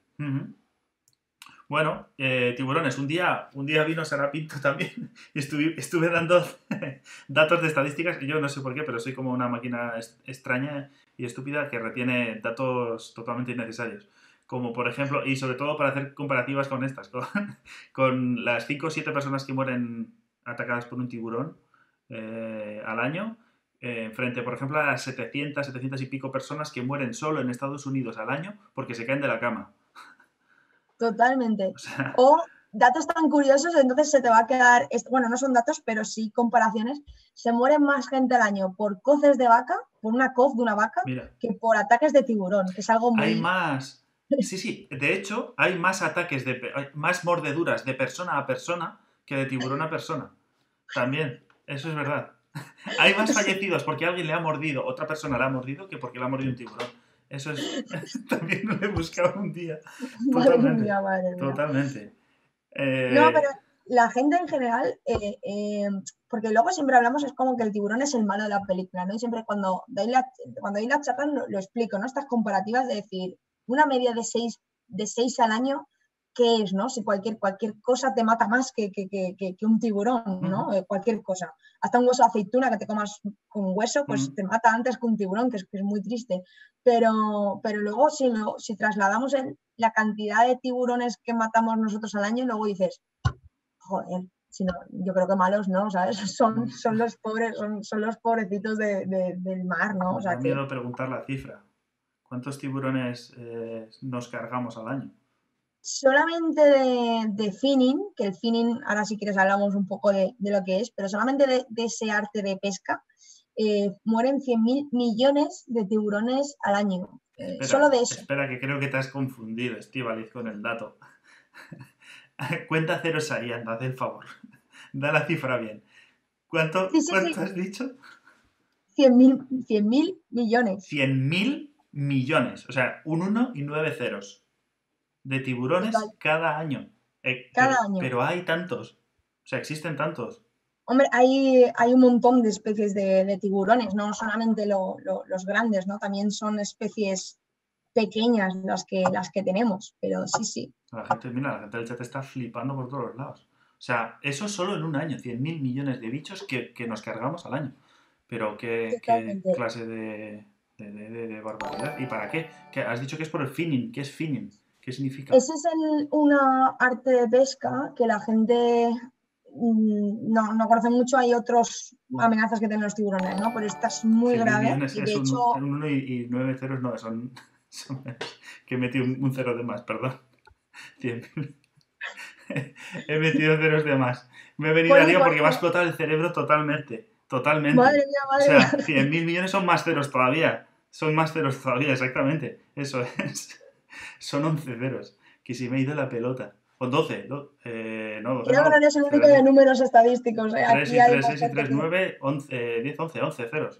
O sea que se me ha ido la pelota ya, o sea, solo de, de la explosión neuronal que me ha dado al ver la cifra. Pero es verdad, 10, 11 ceros. Perdón, perdón, perdón, perdón. Eh, anyway, una puñetera salvajada. Sea, lo tiene que dar 100 notación millones, ¿eh? Me he equivocado yo, son 100 millones, ¿eh? O 100 100.000 millones, vale, entonces 100 millones. Bueno, da, igual, de cualquier manera. Lo siento, 100 millones, sí, estoy diciendo 100.000 millones y, he dicho La 100.000 releche. millones, Me da 100 igual, sigue, 100 sigue siendo la releche. Lo siento, lo siento. No, no, 100 no, no, al revés, al revés, al revés. Si siguen siendo una puñetera barbaridad, si sea lo que sea, es un disparate. 100 millones, ¿eh? no, no, yo es que a veces me, me equivoco también. 100 millones, ¿eh? Lo siento. Sí, Bueno, como si fueran pocos, ¿sabes? Joder, perdón. Cambia- no, pero cambia mucho de 100.000 millones, pero bueno, para Pero 100 como- millones sigue siendo una cifra completamente 9 ceros. Sigue siendo. Vamos. es una bueno, barbaridad. Es una barbaridad, es una barbaridad. Totalmente disparatados. Bueno, que perdona, que mm, estabas diciendo el finning que es, que es una, un arte de pesca. Que, que- ¿En qué Exacto, el finning es eh, que por cierto España estamos en el ranking, en el top 3 de, de, de- De esta este- práctica. de esta práctica, que no está permitida, pero se hace. Ujú. Eh, lo que consiste es cogen el tiburón, cortan las aletas porque te pagan una barbaridad por, por las aletas de tiburón, porque dicen que, pues, que regenera eh, articulaciones y que también pues, la sopa de tiburón, que es afrodisíaca, bla, bla, bla, bla, bla, bla. Entonces lo que hacen es cojo el tiburón, corto todas las aletas y todavía el animal vivo lo devuelvo al agua, ¿vale? Lo devuelvo al agua y el animal pues muere desangrado Joder, y es- muere también evidentemente asfixiado porque no puede avanzar y por lo, y por lo tanto se, se muere. Y cogen, y que por qué tiran, ahora mucha gente pregunta, ¿por qué tiran el cuerpo? ¿no? Pues ya que lo matas, pues aprovechalo todo, ¿no? Como el cerdo, Claro, se- la gente se come o utiliza Claro. todo. claro. Pero claro, si te pagan un montón por la aleta y el animal en, en sí, el, el valor no, no, no se va a utilizar o el valor es muy bajo, lo que yo hago es cortando las aletas, me caben más cantidad de aletas si no meto el cuerpo que si también meto el cuerpo. O sea, que es Entonces, por un- una cuestión de espacio, porque lo que interesa es la aleta por las propiedades que se supone que tienen, que luego marrameado. Eh, y así caben más, más aletas en la bodega del barco, madre mía. madre exacto. mía, Mira, me, me gusta lo que pone ahí, lo que pone ahí, a ver, eh, Nox, Soul Nox, que Sí. pone los, los tiburones los mártires del mar. Sí, correcto, completamente. Sí, sí, totalmente, ¿eh? Madre mía. Madre mía. Bueno, eh, es que me ha dejado totalmente, me ha explotado la cabeza, ¿eh? Me ha, me ha dejado totalmente fu- fu- fuera de juego con las cifras. Ya no sé, se me han olvidado hasta las matemáticas. Ya no sé ni, ni hacer potencias de 10. 100 millones, eh, repetimos, eh, 100 perdonad a millones, los me da igual, me da igual. 100 millones. De la sala. Un 1 Disculpadme. un, un 1 y 8 ceros. Me da exactamente igual. Son la releche de ceros. En fin, Bueno, y entonces, volviendo eh, al cambio climático, si ya encima les, les, les machacamos tanto a los pobres tibus, eh, ¿el cambio climático cómo les afecta? El cambio climático les afecta lo que hemos dicho, no solamente la temperatura, que encima, como son peces, pues mucha gente dice tiburones, y peces y tiburones, luego dices, no, tiburones son peces, ¿vale? Más raros, pero son peces. Entonces, claro, por una parte, los rangos estos que hemos hablado de temperatura, pues los tiburones son muy sensibles, ¿no? Son, es que todos los fieras que parecen, todos los peligrosos que parecen, es que luego los pobres no, son nadie, ¿no? Entonces, claro, eh, todo esto tienen unos rangos muy pequeños donde oscila esa temperatura. Entonces, claro, eh, cambiar esa temperatura tan drástica, ellos lo llevan muy mal. Y luego, aparte, eh, todo lo que es, hemos dicho que el cambio climático que tienen los, gases de efecto invernadero. Eso lo que hace es que lo coge el océano y baja la, baja la, la, acidez, ¿no? Se acidifica el, mar, está más ácido. ¿vale? Hablando a palabras neutras para todo el mundo, está más ácido. Por lo tanto, si está más ácido, a los tiburones les afecta negativamente porque, eh, por una parte, eh, tienen problemas a las horas estructurales, también reproductivos, también nos tienen reproductivos, y luego tienen también problemas con, con lo que son la, acumulación de metales pesados, que ahora dices, ¿esto qué narices es? O sea, que si, tenían pocas movidas, ya... Si tenían pocas movidas, esto, esto qué narices me estás contando. Y, claro, e, eso lo que se traduce es que, mm, la acidez de, de, los océanos la llevan mal porque lo que hacen es que todo en el mar tiene unos ciclos, ¿no? Igual que hemos dicho el carbonato cálcico, las conchas, el no sé qué, todo tiene un ciclo. Igual que el ciclo del agua, pues eso traducido a, al, carbo, al dióxido de carbono, al carbono, a todo, tiene como un ciclo. igual que el ciclo del agua, que todos conocemos el ciclo del agua. Pues muchos componentes tienen ese ciclo. Incluso los, los metales. Los metales también, cuando llegan al, por industrias químicas, etcétera, esos eh, contaminantes llegan al mar. Entonces, que haya, que esté más ácido o menos ácido, va a tener un efecto sobre ese ciclo de esos metales. Y que haya, que sea tan ácido, lo que hace es que ese ciclo, a la hora de, de deshacerse los metales, se pueden deshacer para un lado o para otro. Pues ese ácido lo que hace es que se vayan por el, por, por el mal camino y sean metales nocivos. Y lo que hacen es que favorecen que como no se disocian para el lado que se deberían disociar, sino para el otro, hay más del malo que del bueno, pues absorbe más. Entonces, claro, mm, absorben más y encima son los que están en la cadena alimentaria, es decir, todos los peces y él es como el rey del océano, es el que regula a todo el resto de especies. Entonces, aparte de que tienen más cantidad para comer, aparte también hay más cantidad de, de libre contaminante, que se dice, y por lo tanto pues ellos se traducen que en, el organismo van a tener más desacúmulo, por lo tanto ya es la repera de la repera de, estos ¿eh? Luego eso, claro, eso se acumula, como dices, se bioacumula. Eh, eso quiere decir que, que, que, luego a quien se coma, o sea, los metales pesados se, se, quedan en un bicho y luego quien se coma ese bicho los, los, asimila y se los queda dentro y el que se coma ese se los queda dentro y cada vez va teniendo más y cada vez más, más, más, más.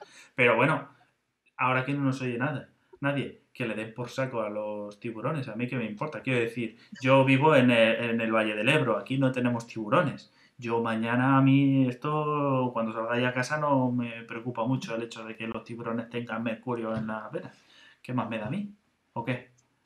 Mm, bueno, yo ahí tengo mis diferencias porque es eso, ¿no? Es como que muchas veces, ¿qué voy a decir, no? Pero muchas veces la gente es como eso, ¿no? Es como cuando pasa en el otro lado del mundo, ¿no? Como pasa allí, que yo aquí no lo tengo, ¿no? Esto pasa como, como, como, las, como las pandemias, nunca mejor dicho. Ha habido mil millones de pandemias, pero nunca nos ha tocado, por lo tanto... que, no ha llegado aquí no nos hemos preocupado. Claro, ¿qué más da que se mueran no sé cuántas personas? A mí no me afecta, ¿no? Hasta que de repente lo tienes en casa y dices, ostras, vaya, pues esto viene un poco traducido por eso, el, el, el que acabe justamente el animal que, que es el, el, capataz del océano, es decir, regula eh, todo el, nicho ecológico que, hay en el mar eh, de repente desaparezca, quiere decir que va a haber un desequilibrio brutal de los, de los mares y océanos. O sea, eso va a ser brutal.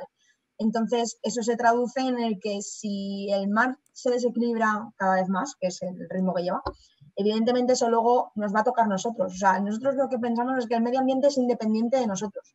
Y poco a poco nos vamos dando cuenta que si el medio ambiente se fastidia, nos, nos fastidiamos nosotros, porque al fin y al cabo es nuestra casa y compartimos con los animales, queramos o no. Entonces, destruir todo lo que es una población de animales que regula toda esa cadena, porque hemos dicho que todo es un ciclo, pues justamente son los mandamás de esa cadena, pues lo que se va a producir es que perdamos un animal que es crucial para que la calidad de nuestros mares y océanos sea la, adecuada. Entonces, yo sé que me preocuparía si no hay tiburones. Sé que muchos se alegrarían, pero eh, están totalmente desaconsejable que, les dé igual. O sea, literalmente puede influir en, la pesca, en el pescado que al, final tenemos en, el plato. Eh, de alguna manera está regulado por la cantidad de depredadores o de, mm, no sé, organismos como los tiburones o como las tortugas o cosas así aunque no, aunque no comamos tiburones, o, alguno, o la mayoría de las especies, aunque algunas sí, pero aunque no comamos tiburón, el tiburón sí que afecta a lo que, a lo que tengamos en el plato directamente, ¿no? O indirectamente, de alguna manera. Claro, porque si no tenemos al que regula, eh, él como que, regula la cadena. Entonces, si perdemos al que regula, evidentemente va a haber unos cambios, unos desajustes, unos desequilibrios brutales. Y lo que pasa es que los que comían lo que tenían que comer al de abajo, como ya no tengo depredador, voy a va a haber mucho, por lo tanto van a comer mucho de, abajo de la cadena. Y esto lo que al final se traduce en un desequilibrio que cuando ya tocas una cosa ya, por mucho que lo intentes arreglar, ya es como que ya, ya no cuaja, ¿no? Esto es como, como el que está haciendo una ensalada o está haciendo lo que sea y cuando ya te has pasado ya da igual lo que el cambio que quieras hacer, que empiezas ya a hacer eh, la de he echado demasiado vinagre, bueno, pues ahora he hecho un poquito más para equilibrar, para hacer no sé qué, al final te acaba saliendo una empastada increíble. Pues eso es lo mismo que pasa. Qué buen ejemplo, qué ejemplo más gráfico para entenderlo, es verdad, nunca lo había pensado así. No, no te ha pasado nunca cocinando. Sí, sí, sí, joder, totalmente. Me he pasado, pues le he hecho, pues va, le he hecho esto, le he hecho lo otro. Al final dices, mira, creo que acabo antes tirándolo y haciéndolo otra vez. Yo al final me la acabo comiendo en plan, pero en plan como autocastigo, de en plan, mira, por, por miserable ahora te lo vas a comer por haberla liado así, para que aprendas. Esa es otra opción, esa es otra opción. pero no está aconsejado, no se lo recomiendo a nadie. bueno, em, por ejemplo, mira, qué pregunta más interesante hace Irisco. Dice, ¿el cambio climático está afectando a las corrientes oceánicas? Esto es como muy, una pregunta como muy, uff, eh, que daría de por sí para un programa entero. De hecho, tocamos el tema con Pablo, con Pablo Rodríguez Ross, que es un auténtico máquina, que además es el primer programa de todos que hicimos, que hablamos de los océanos concretamente, entonces tocamos un poco este tema. Pero bueno, repásalo un poquillo, ya que estás. Muy básico, muy básico, porque ya... Sí, por eso, así, a línea general, es que ya lo hablamos en su día, pero... Sí, evidentemente sí, porque eh, lo que hacen las corrientes, muy fácil explicado, muy rápido, las corrientes se van distribuyendo y hacen un camino, ¿no? Entonces, al fin y al cabo, lo que hace es regular también la temperatura. Y la temperatura media del océano, evidentemente, las zonas calientes van a zonas más frías, cada uno por el hemisferio que estemos, pero traducido fácil es eso, se enfrían y vuelven. Entonces, es una forma de, redistribución. ¿Qué pasa? Que si yo cada vez estoy más caliente, más caliente, más caliente, más caliente, llega un momento que cuando voy a lo frío no es que me enfríe, sino que lo caliento yo. Entonces, claro, al final, eso se traduce en el que poco a poco y lo que se está pasando es que la temperatura media de los océanos está subiendo y que los casquetes polares se están derritiendo. Entonces, sí, evidentemente hay una relación directa entre el cambio climático y la afección que tiene esto en las, en las, corrientes oceánicas. esto es un gran problema. Otro sitio más en el que todo está, como siempre, es que al final le voy a cambiar el nombre al programa. En vez del cambio climático de los padres, el cambio climático lo despelota todo. O sea, otro sitio en, el que, en el que se desajusta y esa sí que da miedito. algunas de esas grandes corrientes oceánicas que se desajusten eh, da miedito porque, porque directamente influyen también incluso en, el, en, el, en la meteorología, en, los ciclos de mogollón de especies marinas. O sea que esa da miedito. La del Atlántico, por ejemplo, eh, agüita con esa, ¿eh? Sí, ahí tenemos, tenemos un problema muy grave. O sea, con el tema de las, del calentamiento, del, cambio climático en relación con, las corrientes, eh, tenemos un problema muy grave porque es que además eh, no, cabe olvidarse, ya no porque aumente el nivel del mar, especies asociadas, eh, cambios climatológicos, que todo esto va a derivar, es que luego estamos, hay que pensar en los animales que viven en los casquetes polares, que sí, que si se derriten del todo, mm, no sé qué vamos a hacer. Eh, bueno, los podemos, les podemos poner las islas basura que estamos poniendo, porque yo creo que a lo mejor es a lo mejor es una solución que el ser humano, que, somos así inteligentes, estamos pensando, estamos diciendo, ya que les reducimos los polos y no van a tener casa, pues le ponemos islas basura para que puedan vivir en ellas. A lo mejor, está todo pensado, es una idea brillante, a mí me parece brillante. Somos unos genios. No, no, claro, claro. Yo no lo había visto desde ese punto de vista y igual era una solución que estábamos pensando alternativa. Tanto quejarse tanto ecologeta que lo único que quiere es chupar subvenciones. Que, eh, que lo único que quiere es sacarnos los cuartos. Pues yo creo que al final, si al final tiras la basura ahí al suelo, les estás salvando la vida a los osos polares. Ojo, ¿eh? Ya, Está, poniendo, está, construyendo una, una, casa y gratis, ¿eh? Y gratis. es, es, que eso es. que, de verdad que... Madre mía. En fin, mira, te, Esto no sé cómo interpretarlo, ¿eh?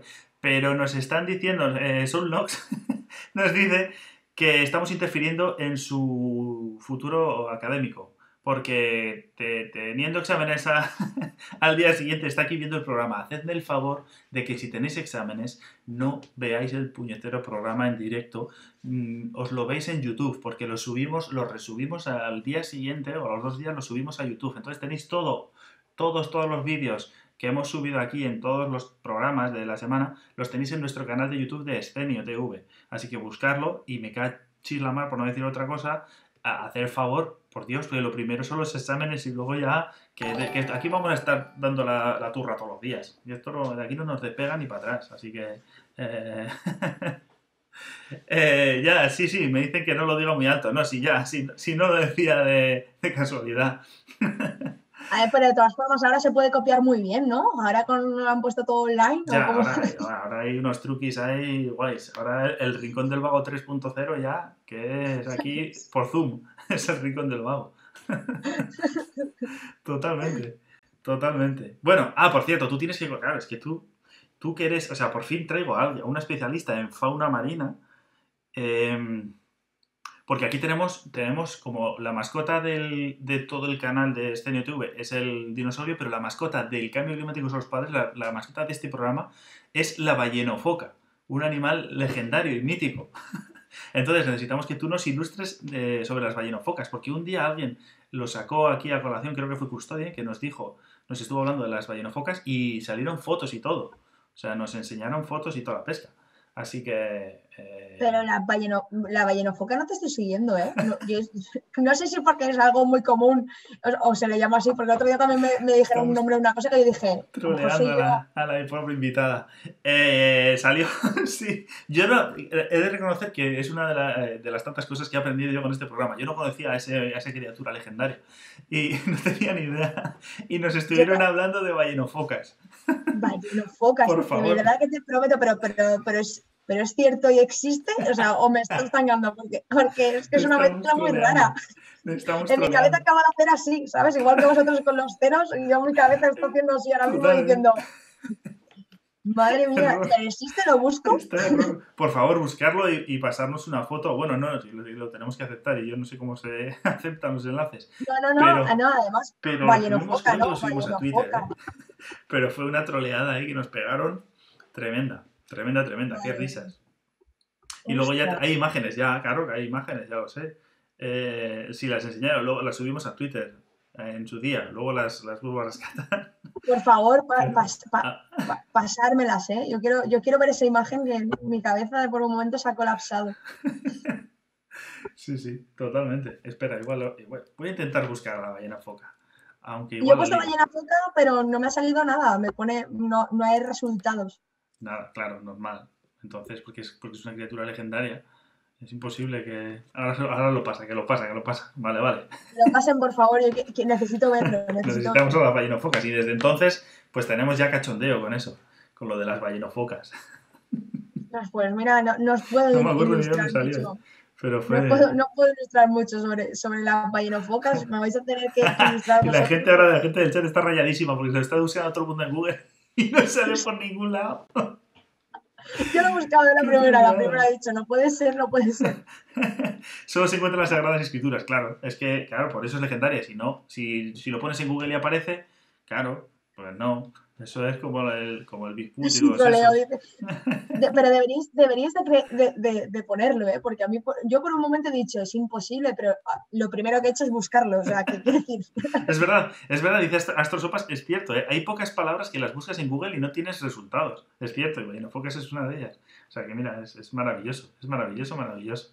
Eh, hay que buscarlo en Bing ya, o en Ya- Yahoo Answers o en Forocoches, una de, de tres. Yo creo que ahí seguro que hay algún hilo de todo esto, ¿eh?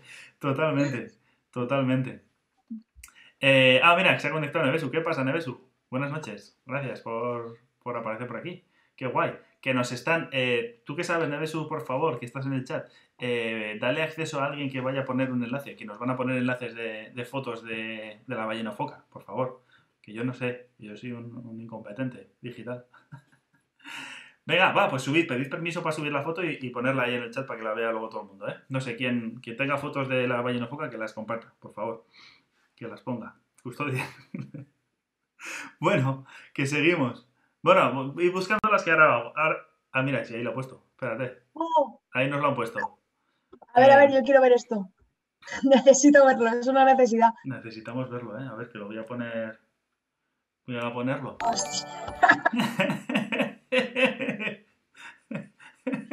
Buenísimo, buenísimo, me encanta, me Ah, encanta. que me es grande, por favor, la vainofoca es lo más, lo más, lo hemos conseguido, ahí está. Ahí lo tenéis, ¿eh? Bueno, ya que estoy lo voy a compartir para que lo veáis todo el mundo, aunque ya lo habéis dado al chat, pero así se queda grabado para cuando se quede el vídeo. Pero las Por esas criaturas absolutamente legendarias y míticas, es que son lo más de lo más. La que Qué risa. tierna, qué tierna, me encanta, me encanta. Aquí Ya- está, ya- aquí está, aquí está. Me habéis ganado, me habéis ganado ya Aquí con está. esto. Voy a ponerla para que la vea todo el mundo, por favor, ¿vale? Eh, esta es la ballena foca. y ves como sí que había imágenes. Es como sí que había. Ahí la tenéis, ¿eh? Ahí la tenéis. Totalmente, ¿eh? A ver, ahí está. Ahí está la ballena foca. es, es maravillosa. A ver, eh, eso es, Custodian, es el descubridor de este tan bello animal. Es que es, eh, totalmente mítico y legendario. ¿Qué tienes que decir tú como veterinaria de fauna marina, Estivaliz? ¿Qué tienes que decir sobre las ballenofocas? Eh, las ballenofocas, eh, no sabría ni, ni por Qué dónde empezar de la cantidad de información que, que este animal os puede, os, puede, os puede aportar. Es que creo que no- nos dejaría anonadados con toda la información que nos puede dar. Eh, evidentemente, este es el único que va a sobrevivir al cambio climático, eso que ya os quede claro. Nos va a sobrepasar. Mira, hay gente, ya están saliendo casos, hay gente que tiene familiares que, que murieron por este animal. O sea, es, es abrumador. ¿eh? O sea, fijaros que esto es eh, una maravilla, una maravilla. La, la ballenofoca es el- la criatura legendaria de este programa. Maravilloso, la ballenofoca que no sabemos todavía, no se sabe muy bien eh, de lo que se alimenta, ni cuáles su- sus ciclos de vida, ni su ecología. Es algo totalmente por descubrir. Pero bueno, yo creo que tiene que tener algún tipo de relación especial con las... em, con los corales, yo creo, porque al ser una- un bicho tan legendario y tan mítico, tiene- seguro que es que viven en zonas de, de corales o algo así. Los corales de los que tanto se habla, las movidas esas, los blanqueamientos de corales y todo eso, ¿también les afecta el cambio climático, Estivali? Sí, por desgracia también. También. Creo que tenemos Socorro. ahí una montaña, es todo eh, otro más, otro más, ¿no? que podemos ir pasando. Eh, les afecta, les afecta porque mm, esto es directamente, bueno, eh, les afecta de varias formas, pero eh, con la temperatura. Eh, estos animales, explicado muy fácil también, no es un animal, y, es una colonia de animales, más bien dicho. Los corales son colonias de, anima- de- de- de animales, de pólipos en concreto y eh, algunas especies de corales, los corales duros, porque también hay blandos, etcétera, pero por ir al grano, los corales duros dentro tienen algas y pues uno le da protección y el otro, le- la alguita dentro, le ayuda a, a nutrirse, ¿no? Entonces, como que viven ahí como dos compañeros de piso que, bueno, como el, como el que tiene casa y el, co- el- el compañero parásito que va a alimentarse de ti, ¿no? Pues, pues tú le pones la casa y él lo que hace es llenar la nevera, ¿no? Pues muy bien, todo va muy bien hasta que de repente pues hay un aumento de temperatura y entonces cuando es una temperatura alta y encima se mantiene, lo que hace el, el alga de dentro es que le dice, hace mucho calor aquí en tu casa, yo me voy, ¿no? Entonces, claro, eh, el coral eh, se queda sin, la, nevera llena, ¿no? Se queda sin, esos nutrientes y por eso se produce el blancamiento, porque el, que le da ese color eh, es el alga que está dentro del coral, ¿no? Entonces, cuando ese animal se va, se queda blanco y si la temperatura se vuelve a regular o ha sido una cosa puntual, se puede recuperar. Pero cuando eso se mantiene, que es lo que está pasando, lo que hace es que el coral se muere. Entonces, la gran barrera de coral que todos nos viene a la cabeza, que está en Australia, está con un problema grande de calentamiento, de calentamiento del agua, de blancamiento de coral y mantenido, es decir, especies que, o sea, cantidad de coral muy grande que se está muriendo, muriendo, muriendo, muriendo, muriendo. Y esto es una, una, una trastada para, para, en general, no solamente para, el coral, sino para un montón de especies. Que el coral parece como algo ahí que coral, barrera de coral y punto. Claro, eso te iba a preguntar, porque si ya en el Valle del Ebro tenemos pocos tiburones, imagínate corales. Eso a mí, ¿qué, qué narices me importa a mí que se vaya al carajo los corales? Pues que se vayan, pues que lo sufras. Y yo no hago surf ni hago leches en vinagre. A mí, ¿qué más me da eso? Mucha gente tiene ese pensamiento, ¿no? De decir, pero lo mismo, que ¿para qué el coral? Yo, a mí, ¿qué más me da? Si no, si a mí solo me gusta, de hecho, muerto queda muy bien, que luego los venden y te los puedes colocar por ahí por la estantería de Ahí encima de la tele, no lo que luce, claro. Ahí está. Pero el coral es súper importante, primero como barrera, porque actúa como barrera natural. Entonces, si se pierde la barrera, pues ya no tengo nada que me proteja y te pegas ahí un cuelga ahí importante. Un problema muy grande, muchísimas comunidades, islas y tal, que tienen esa protección alrededor. Ahí, es, ahí tienes un, follón montado y no solamente por, por, en sí por la barrera, sino a nivel económico es un montón de, de, gente que se dedica a trabajar con el coral, es decir, eso está regulado y trabaja el coral, vive del coral, eh, también las industria farmacéutica es fundamental el coral, o sea, hay muchos fármacos que se utilizan, eh, pues se consiguen hacer gracias al coral, todo esto regulado y estudiado, pero claro, no estudiado no teniendo en cuenta que vas a perder más de la mitad de, la población o la población total. Y el gran problema ya encima de la, del coral es que tiene el 25% de, la biodiversidad está asociada, eh, marina, está asociada a las barreras de coral. Entonces, esto es un dato que, que te, choca otra vez los, los, ¿Otra vez los cables? Ah, vale, o sea que el problema de los corales no son solo los corales. O sea, son como el ecosistema, son como la casa de otras especies, para entendernos. Totalmente, o sea, son, son el 25% de las especies de la, de la biodiversidad depende de, de, los corales. Esto es como cuando estamos hablando de la planta de la posidonia, ya no es el problema de, del animal en sí, es como que cuando vemos un problema vemos siempre el, el problema y ya está. Y esto tiene como alrededor un montón de, problemas derivados de eso. Y hay un montón de especies que, tanto animales que utilizan los corales para poner los huevos y dejarlos en un sitio seguro. Otro, las especies pequeñas cuando salen de esos huevos, que se refugian en los corales para ir creciendo y luego ya salir de la barrera. Animales que su alimentación está ligada 100% a, a esos corales. Entonces, claro, ya te pones a sumar y ya dices, ostras, vaya que no, que no es un problema, ¿no? Que resulta que, tenemos aquí una fila de, cantidad de problemas y evidentemente pues eso nos va a afectar eh, lo que he dicho antes, ¿no? Perder un, elemento fundamental o un, ecosistema entero, porque estamos hablando de un ecosistema entero que son los corales, el ecosistema coralígeno, y esto pues se traduce en el que la liamos parda otra vez. Si perdemos el coral, la estamos liando parda y aunque vivas en Huesca, Madrid o en, el Himalaya, pues tranquilo que te, que, te va, que te va a llegar y te va a llegar, pero bien, te vas a reír, de la, te vas a reír del confinamiento. Madre mía. Dice, todo, eh, dice Solnox que todo está relacionado, quita un ladrillo y se te cae la pared entera, ¿no? Totalmente, totalmente. madre mía, madre mía, si es que es un, es que, joder, ¿y cómo lo llevas, tía? Porque tiene que ser como una agonía perpetua el, trabajar en una cosa y saber que hagas lo que hagas y toques lo que toques, todo, o sea, está como todo totalmente desmadrado y hay, hay marrones por todos lados y movidas por todos los sitios.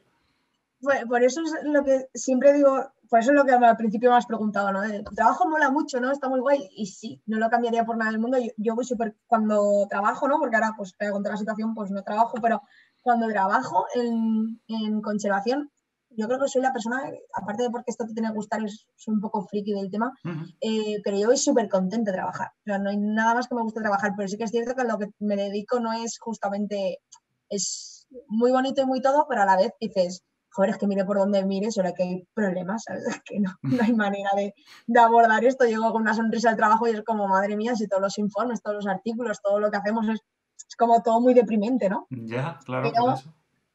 Pero luego vas y surfeas las olas encima de una tortuga con gafas de sol. Eso, ya, eso no tiene nada que ver. Eso, eso, evidentemente es lo mejor del trabajo que hay. Después de recuperar la tortuga, surfear encima de ella, eso es la parte más, más bonita de, de, de, yo creo que del trabajo. Si de todo si tienes una concha de estas vacías y puedes meterle un poquito de caipiriña dentro, ya es un pues, ya es lo más, entonces.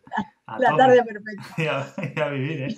A tope, a tope con todo el power, claro que sí.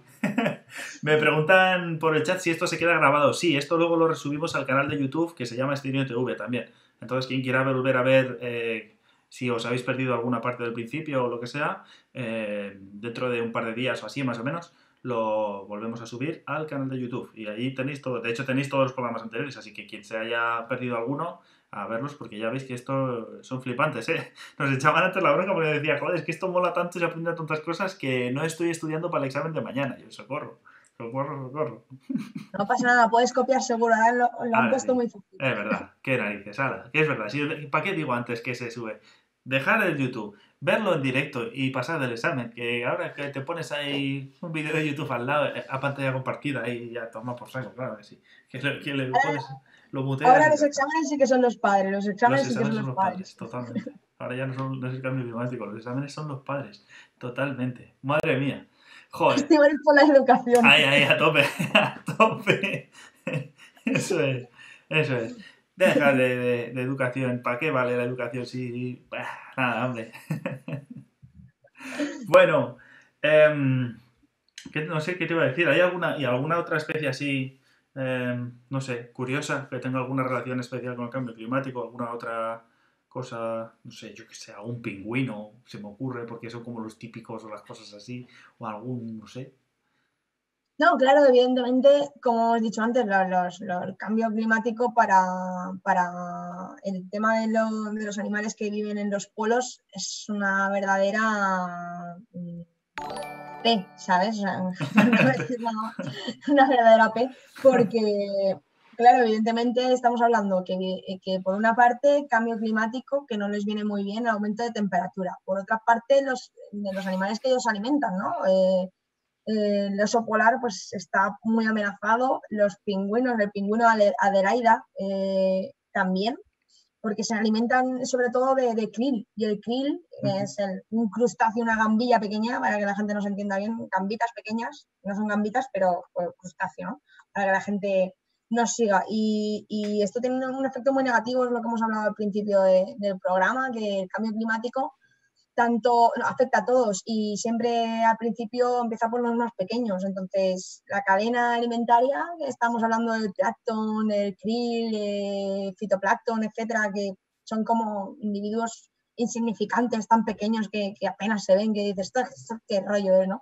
Pues eso es la cadena, es la base alimentaria de un montón de especies y perder eso significa significa morir, o sea, significa morir para los animales que van detrás y nosotros también estamos ahí.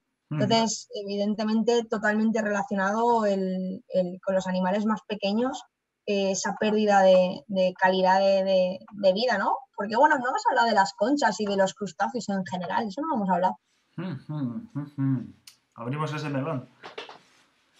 abrimos, ese melón de las conchas y los... Venga, hablamos de eso y luego te voy, a, te voy a hacer una pregunta que han hecho por el chat relacionado con cómo afectan las plagas de algas al resto de la fauna marina, por ejemplo. Luego oh, vamos por ahí, si quieres, vamos por ahí, vamos por donde tú quieras. ¿eh? Venga, vale, pues, pues, ya que ha salido, ya que, te ya que te ha entusiasmado la pregunta, esto y luego, luego hablamos de conchas. Venga, em, lo primero de todo, ¿qué es una plaga? Porque yo no sé si tenemos claro el concepto plaga a nivel general, o sea, como la, gente, eh, yo el primero, yo no sé lo que, lo que es una plaga y lo que no es una plaga. O sea, ¿qué es una plaga? Cuando hay muchos bichos de una cosa que me molestan a mí y me dan por saco, eso lo llamo plaga. claro. plaga es eh, cuando hay un crecimiento por encima de lo que debería de haber, es decir, un crecimiento exponencial, de repente como una palomita explota, ¡pum! Y hay demasiados más de los que el, ambiente eh, puede soportar. Y esto tienen como subidas en pico, hay un montón, y esto pues evidentemente tiene un efecto negativo porque si hay un montón de algo, quiere decir que va a haber un montón de algo que se van a comer a un montón de cosas. Y a lo mejor del resto, si no hay, esa, no hay tanta cantidad de animales, pues esto lo que viene es así, ¡pum! y arrasa con todo lo que hay, ¿no? Vale. Eh, vale, entonces cuando hay como eso es que de repente hay muchísimos más de los que deberían de haber de forma natural o si el, si el ecosistema funcionase como tendría que funcionar, ¿no? Vale. Entonces, por ejemplo, hay, hay sitios en los que hay como un desmadre total de algas. De repente hay como mogollón, mogollón, mogollón de algas. Eh, eso existe y eso eh, tiene alguna relación con el cambio climático, por ejemplo. Eh, sí, tiene cambio, relación con el cambio climático en el sentido de que las, las, algas, en, lo que hay es desequilibrios y en, en muchas algas, en muchos animales que dejan de comer algas, por ejemplo, ¿vale? Porque esto afecta a diferentes partes, ¿no? Vamos a hablar para ponernos en situación. Por una parte, animales que están afectados, que, son, que comen algas de normal, les afecta el cambio climático, por lo tanto, lo que hacen es que hay una superpoblación de algas, eso por un lado. Y luego cambios en los parámetros del agua producidos por el cambio climático, que también incitan a que también crezca. Entonces, no crecen solamente cuando miramos el medio, el medio ambiente o el medio marino, siempre pensamos que esto hace esto. Y no es así, es como que esto, esto, esto, esto y esto ah, provocan esto, ¿no? Entonces, varios factores a la vez lo que hacen es que ese crecimiento, ¡pum!, sea, exponencial. Y eso es un problema brutal, ¿no? Es que igual de malo es cuando algo desaparece drásticamente como cuando aparece ¡pam! de repente, no, no es bueno, es como un sarpullido, ¿no? Cuando aparece, no es lo mismo un granito, una picadura de mosquito, que cuando te han comido por la noche, que al día siguiente no, no, no puedes ni pestañear, ¿no? Pues esto es un poco, un poco parecido. A beber agua, que nos dice el chat que hay que beber agua. Salud. Qué importante es hidratarse, joder. Encima, si estamos hablando del mar y del agua todo el día, o sea, toda la noche, pues con más razón, da un reseco que no vea, macho. Bueno, eh, vale, entonces sí que hay relación. Entonces, a más cambio climático o cuanto más avance todo esto, más desmadre habla con poblaciones en general y hablando de algas, pues en particular. ¿Y cómo afectan esos, esas sobrepoblaciones de algas, por ejemplo, la fauna marina?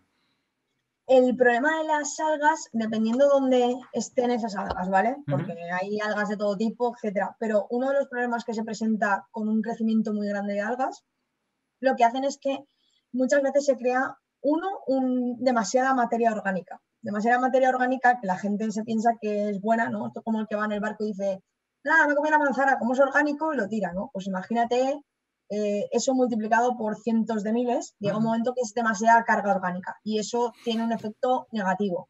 Sustancias que producen esas algas, eh, animales que, algas que compiten con otras especies, por lo tanto también negativo.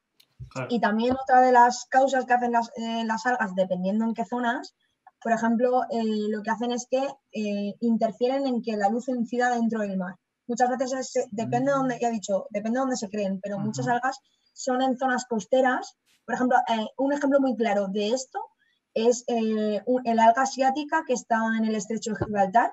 Lleva hace un montón, hace ahora 3, 4 años, llegó un alga eh, invasora producida por culpa de, del agua de lastre de las embarcaciones. El agua, las embarcaciones grandes, los buques, llevan a veces un, agua de lastre que lo que ayuda es a equilibrar la flotabilidad. Eh, ¿Qué pasa? Que luego este agua de lastre muchas veces se va liberando para regular esa flotabilidad. Si yo he cogido agua de una parte del mundo y empiezo a liberar ese agua de lastre en otra parte del mundo, puede ser que donde la haya cogido haya microorganismos o eh, eh, animales em, en algún estado larvario, etcétera, etcétera, etcétera, que yo los estoy liberando en otros donde no es su zona. Entonces, claro, llego a lo mejor a un sitio donde me sueltan y digo, uh, yo estaba, yo estaba aquí en Huesca y resulta que me han soltado en el Caribe con un mojito, ¿qué hago? Me vengo arriba, ¿no?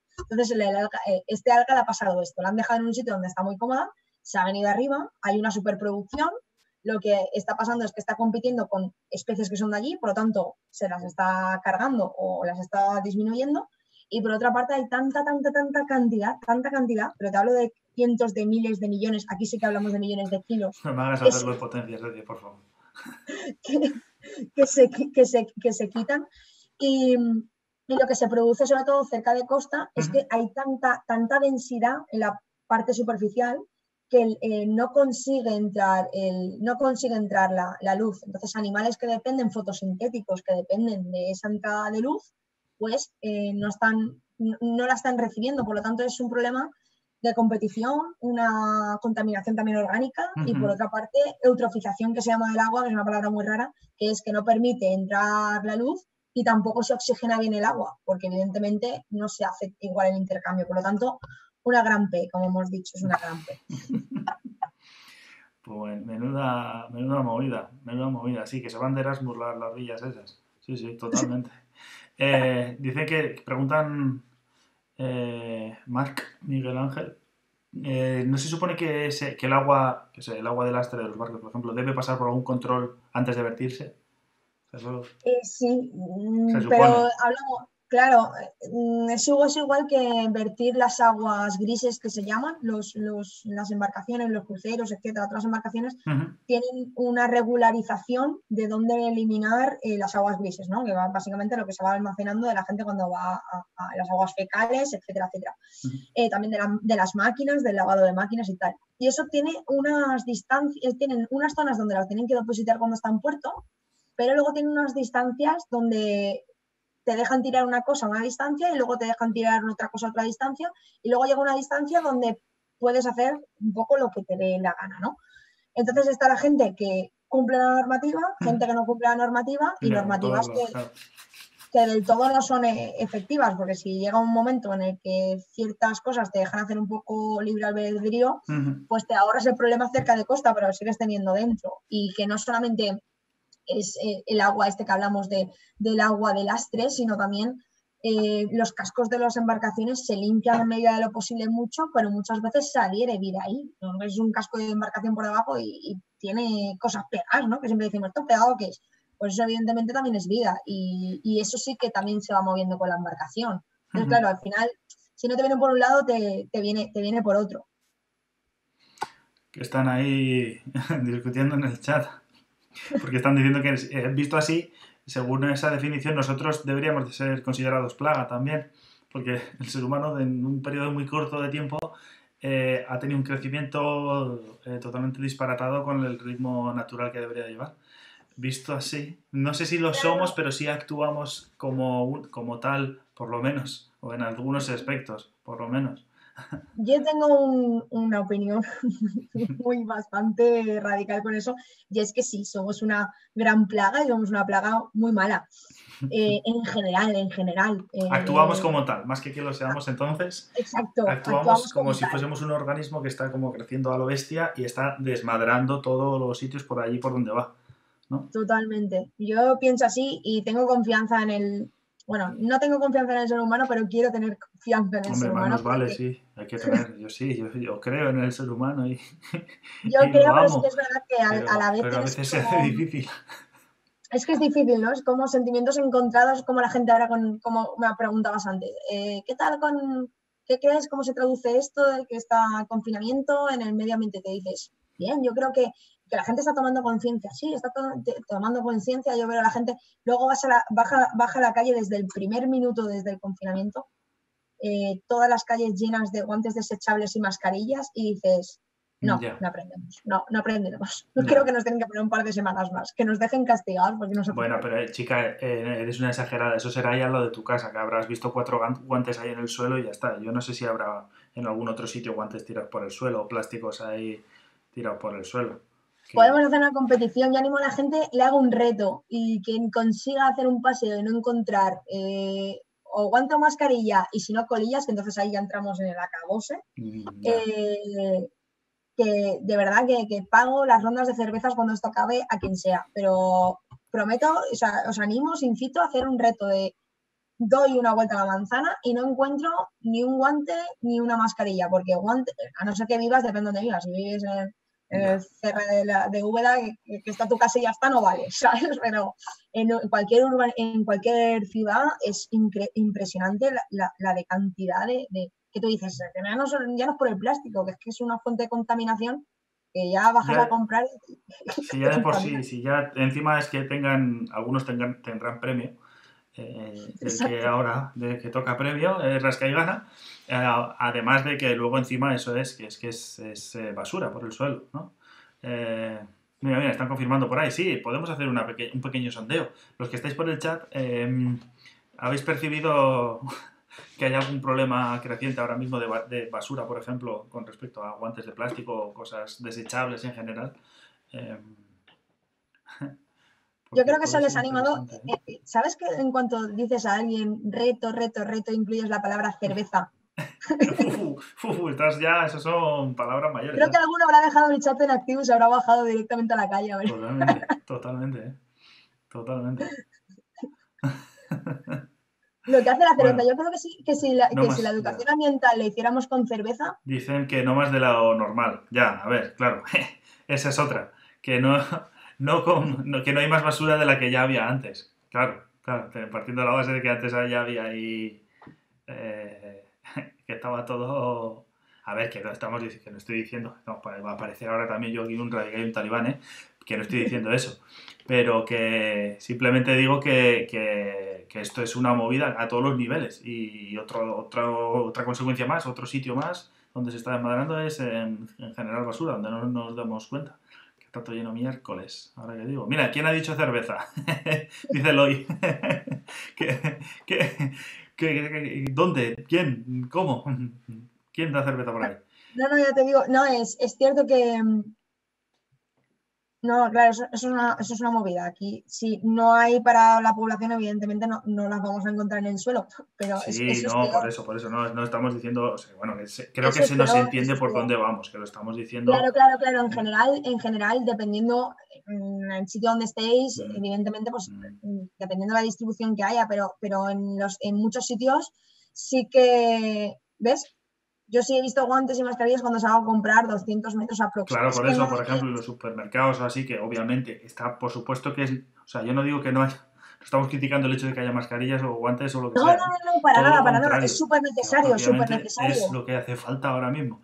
Pero el problema es que ya, o sea, que que como está, o sea, estamos diciendo como que estamos como súper preocupados, o sea, como celebrando en plan cuando dicen, ¡buah, qué guay! Han bajado las emisiones de porque estamos en casa encerrados, no sé qué, y todos como, ¡qué guay! tal. Y luego vas al supermercado y en el, en el parking está todo lleno de, de la basura desechable de, que hemos tirado porque no lo tiramos ni siquiera a la papelera. Como si no nos molestamos en eso, ¿cómo te vas a molestar luego en cuidar algo mucho más grande? ¿no? Exacto, o sea, es súper necesario que, que, haya, que haya, claro, especificamos, o sea, lo, reitero, súper importante y necesario que haya guantes y mascarillas, sea de plástico como si es de plutonio. O sea, vamos a ver, ahora mismo son necesarias y se tienen que utilizar, pero el problema es que la gente no lo está tirando donde lo tiene que tirar. Entonces, tenemos dos problemas uno, toda la cantidad que estamos tirando en el suelo mm. y dos, que puede, como bien ha dicho Alberto, pues que puede tener premio. Entonces, pues si tiene premio y te toca con que está contagiado, pues evidentemente es un foco de infección. Mm. Por lo tanto, simplemente es que mm, son necesarios, pero que los tiremos bien para no contaminar y para no contagiarnos, que bastante tenemos. Y ya bastantes problemas tenemos como para encima provocar más, ¿no? Eso es. Mira, dicen, sí, mira, además me viene muy bien. Dice Irisco, eh, consejo, nos piden un consejo que enlaza perfectamente con, la, con esta parte del programa que suele ser ya eh, rondando el final, que nos pide, o sea, en el que yo pido a todo el mundo que viene que nos den algún consejo, que es justamente lo que pide Irisco, que dice, un consejo para cuidar los océanos desde el populacho llano. O sea, eh, dinos algo, por favor, Estivaliz, algo concreto, una acción concreta que podamos hacer como populacho llano que somos, para mitigar, por ejemplo, los efectos que tiene el cambio climático, en este caso, hoy, porque va de esto de vida marina, ¿cómo podemos echarle una mano a la vida marina a través de los efectos del cambio climático, por ejemplo, desde casa? Algo concreto, no me vale decir... Algo concreto desde casa. Pues yo puedo decir dos, dos, consejos para casa y dos consejos para cuando vayamos al mar, por ejemplo. Por ejemplo, me gusta. Eh, para casa de uso diario, cambiar las bolsas de plástico por una bolsa de tela. La podéis utilizar mil veces y os hago la apuesta lo mismo, cervezas, me voy a gastar todo el sueldo en cervezas, pero eh, os hago la apuesta siguiente, eh, de verdad contabilizar teniendo una de tela la cantidad que dejáis de utilizar de plástico. Yo lo hice y es que ahora cuando alguna vez que me ha pasado de una bolsa de plástico, decir, es que no tengo, no tengo. Entonces, una bolsa de plástico tarda hasta 100 años en deshacerse y la gastamos a veces una vez. Entonces, bolsas de plástico fuera, o sea, tienen que ir fuera. Y luego lo siguiente, pajitas o me da igual, pues os dejo elegir entre pajitas o palitos de palillos de las orejas. La gente los tira al váter y todo lo que es igual que una pajita o más pequeño se cuela por la depuradora y va directo al mar. Así que ni palitos de las orejas, eh, usar de madera o dejar de usar, que son súper malos, o pajitas. Os dejo elegir entre una de las dos. Son dos cambios que vienen súper, súper, súper bien y todo eso va al mar. Entonces, por favor, eso fuera. Eso, no le sorprenderá a la gente porque ¿quién, ¿quién no ha ido alguna vez a la playa y se ha encontrado bastoncillos por la arena? Y dices, jo, qué guarros son los que han venido aquí, que se han limpiado los oídos aquí. No, es que vienen de otro lado los bastoncillos, ¿no? Totalmente. O sea, eso, esas dos cosas tienen que, ir fuera y podría decir más, pero ya os digo, con esos, con esos dos cambios me doy por satisfecha eh, el que use pajita o el que use palillo de los oídos y al que no, pues una botella reutilizable, ¿sabes? Lo que sea, pero son cambios súper, súper, súper sencillos. Y cuando vayan a la playa, pues dos recomendaciones. Una, por favor, la gente que fuma no abandonéis la colilla en la, playa. Te ha acompañado, te ha, hecho, te, ha, hecho pasar un buen rato, te la has fumado, ha estado contigo, están tus pulmones, lleva la colilla, llévate la colilla contigo, no la abandones en la playa, que, se siente muy sola la colilla y aparte es fatal para los animales. Yo sé que a lo mejor alguno lo hace por si a algún pez le apetece pegar una calada, pero no le gustan las chustas. Esto es un resumen. No le gustan las chustas, no le gusta.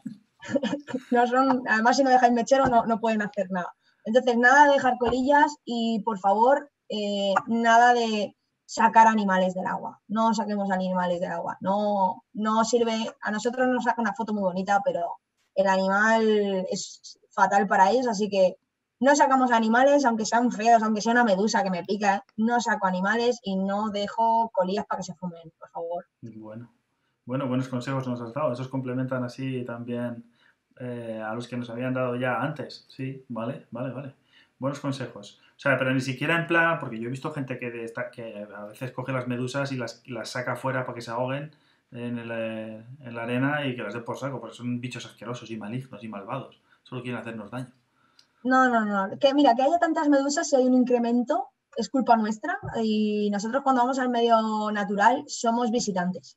Es como si, como si vamos, es que por hacer un ejemplo muy, una similitud muy así cachonda, cuando le dices a la gente, es como si vas al monte y ves un ciervo y le tiras piedras porque no te, no te gusta el ciervo, no, no te gusta, entonces el ciervo que se vaya y te dice, hombre, pero es un ciervo, pues bueno, es lo que hemos hablado antes, una medusa no es, no es igual de atractiva, aunque yo invito a que las miréis porque son preciosas, pero que no es cosa mía, hay que decirte que son importantes, es su casa, no es la tuya, y si vas y no te puedes bañar, pues te, aguantas. Otra cosa es que esté muerta ya y pues es lo que hay. Y para no pisarla, pues la gente la, tira. Pero si está viva y no te puedes bañar, pues es lo que hay. No hay que tirar nada del mar, y menos si está vivo.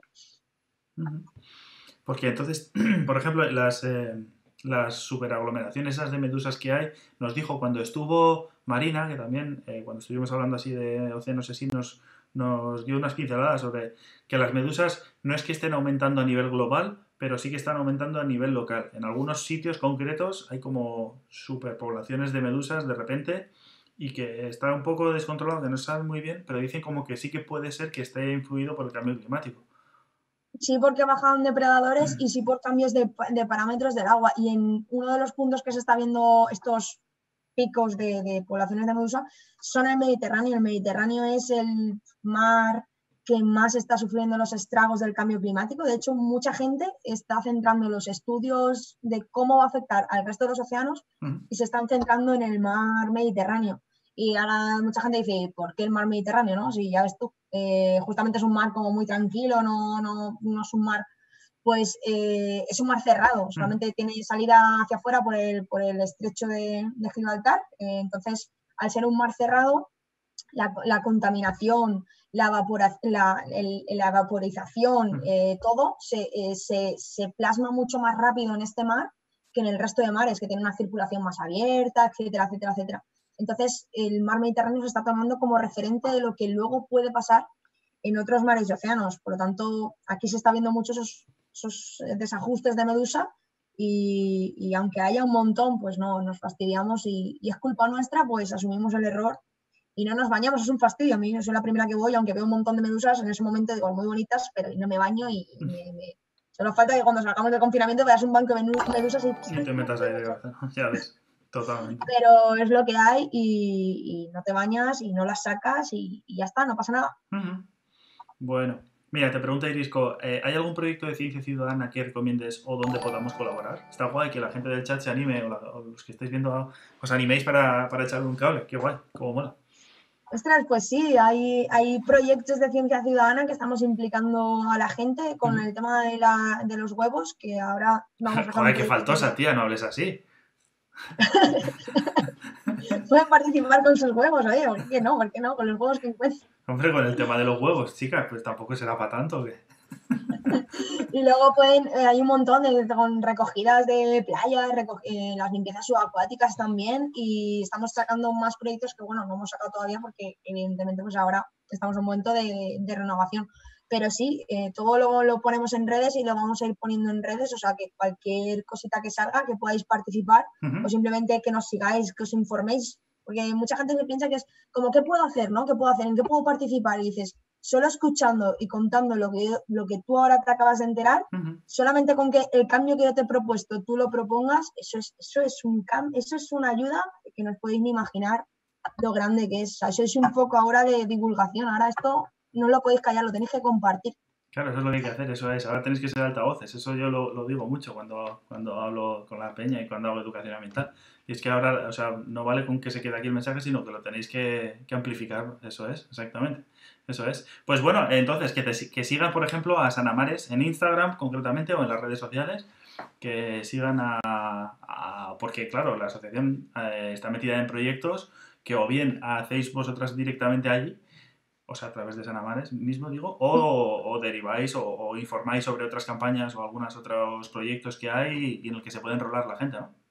Sí, sí, por supuesto. Siempre cuando, por ejemplo, damos una charla de, de tiburones, rayas, damos eh, charlas de también de avistamiento de cetáceos, de tortugas marinas, siempre intentamos enlazar con proyectos locales o otras asociaciones, otras entidades, otros centros inclusive uh -huh. que están teniendo proyectos, los mencionamos siempre y si son proyectos de fuera, pues eh, también los mencionamos, un poco por, por el que la gente se pueda orientar en lo que le gusta, enterarse de más cosas y porque siempre pienso que en conservación tenemos que ir unidos de la mano. Eso es un trabajo, vamos a contracorriente y uh -huh. creo que todo el mundo que trabaja en conservación tenemos que tener como esa parte amiga de, de no pisarnos entre nosotros, que no es una competición, sino más bien un, un avance. Evidentemente, siempre hay que mirar pues que, pues, eh, que si tú estás haciendo algo y el otro también, pues que no, no, no pisarle el proyecto o, o, que sea una complementación del mismo, ¿no? Uh -huh. Pero siempre hablamos de, de, de, de un montón de, asociaciones, de entidades, de, proyectos súper chulos para que la gente, pues eso, no, no se focalice solo en una cosa, sino que vea todo lo que pueda aprender y todo lo que pueda hacer. Qué guay. ¿Hay alguno que esté ahora en marcha, ahora mismo, dadas las circunstancias, sin tener que salir por ahí a, al mar o algo así, que se puede hacer desde casa?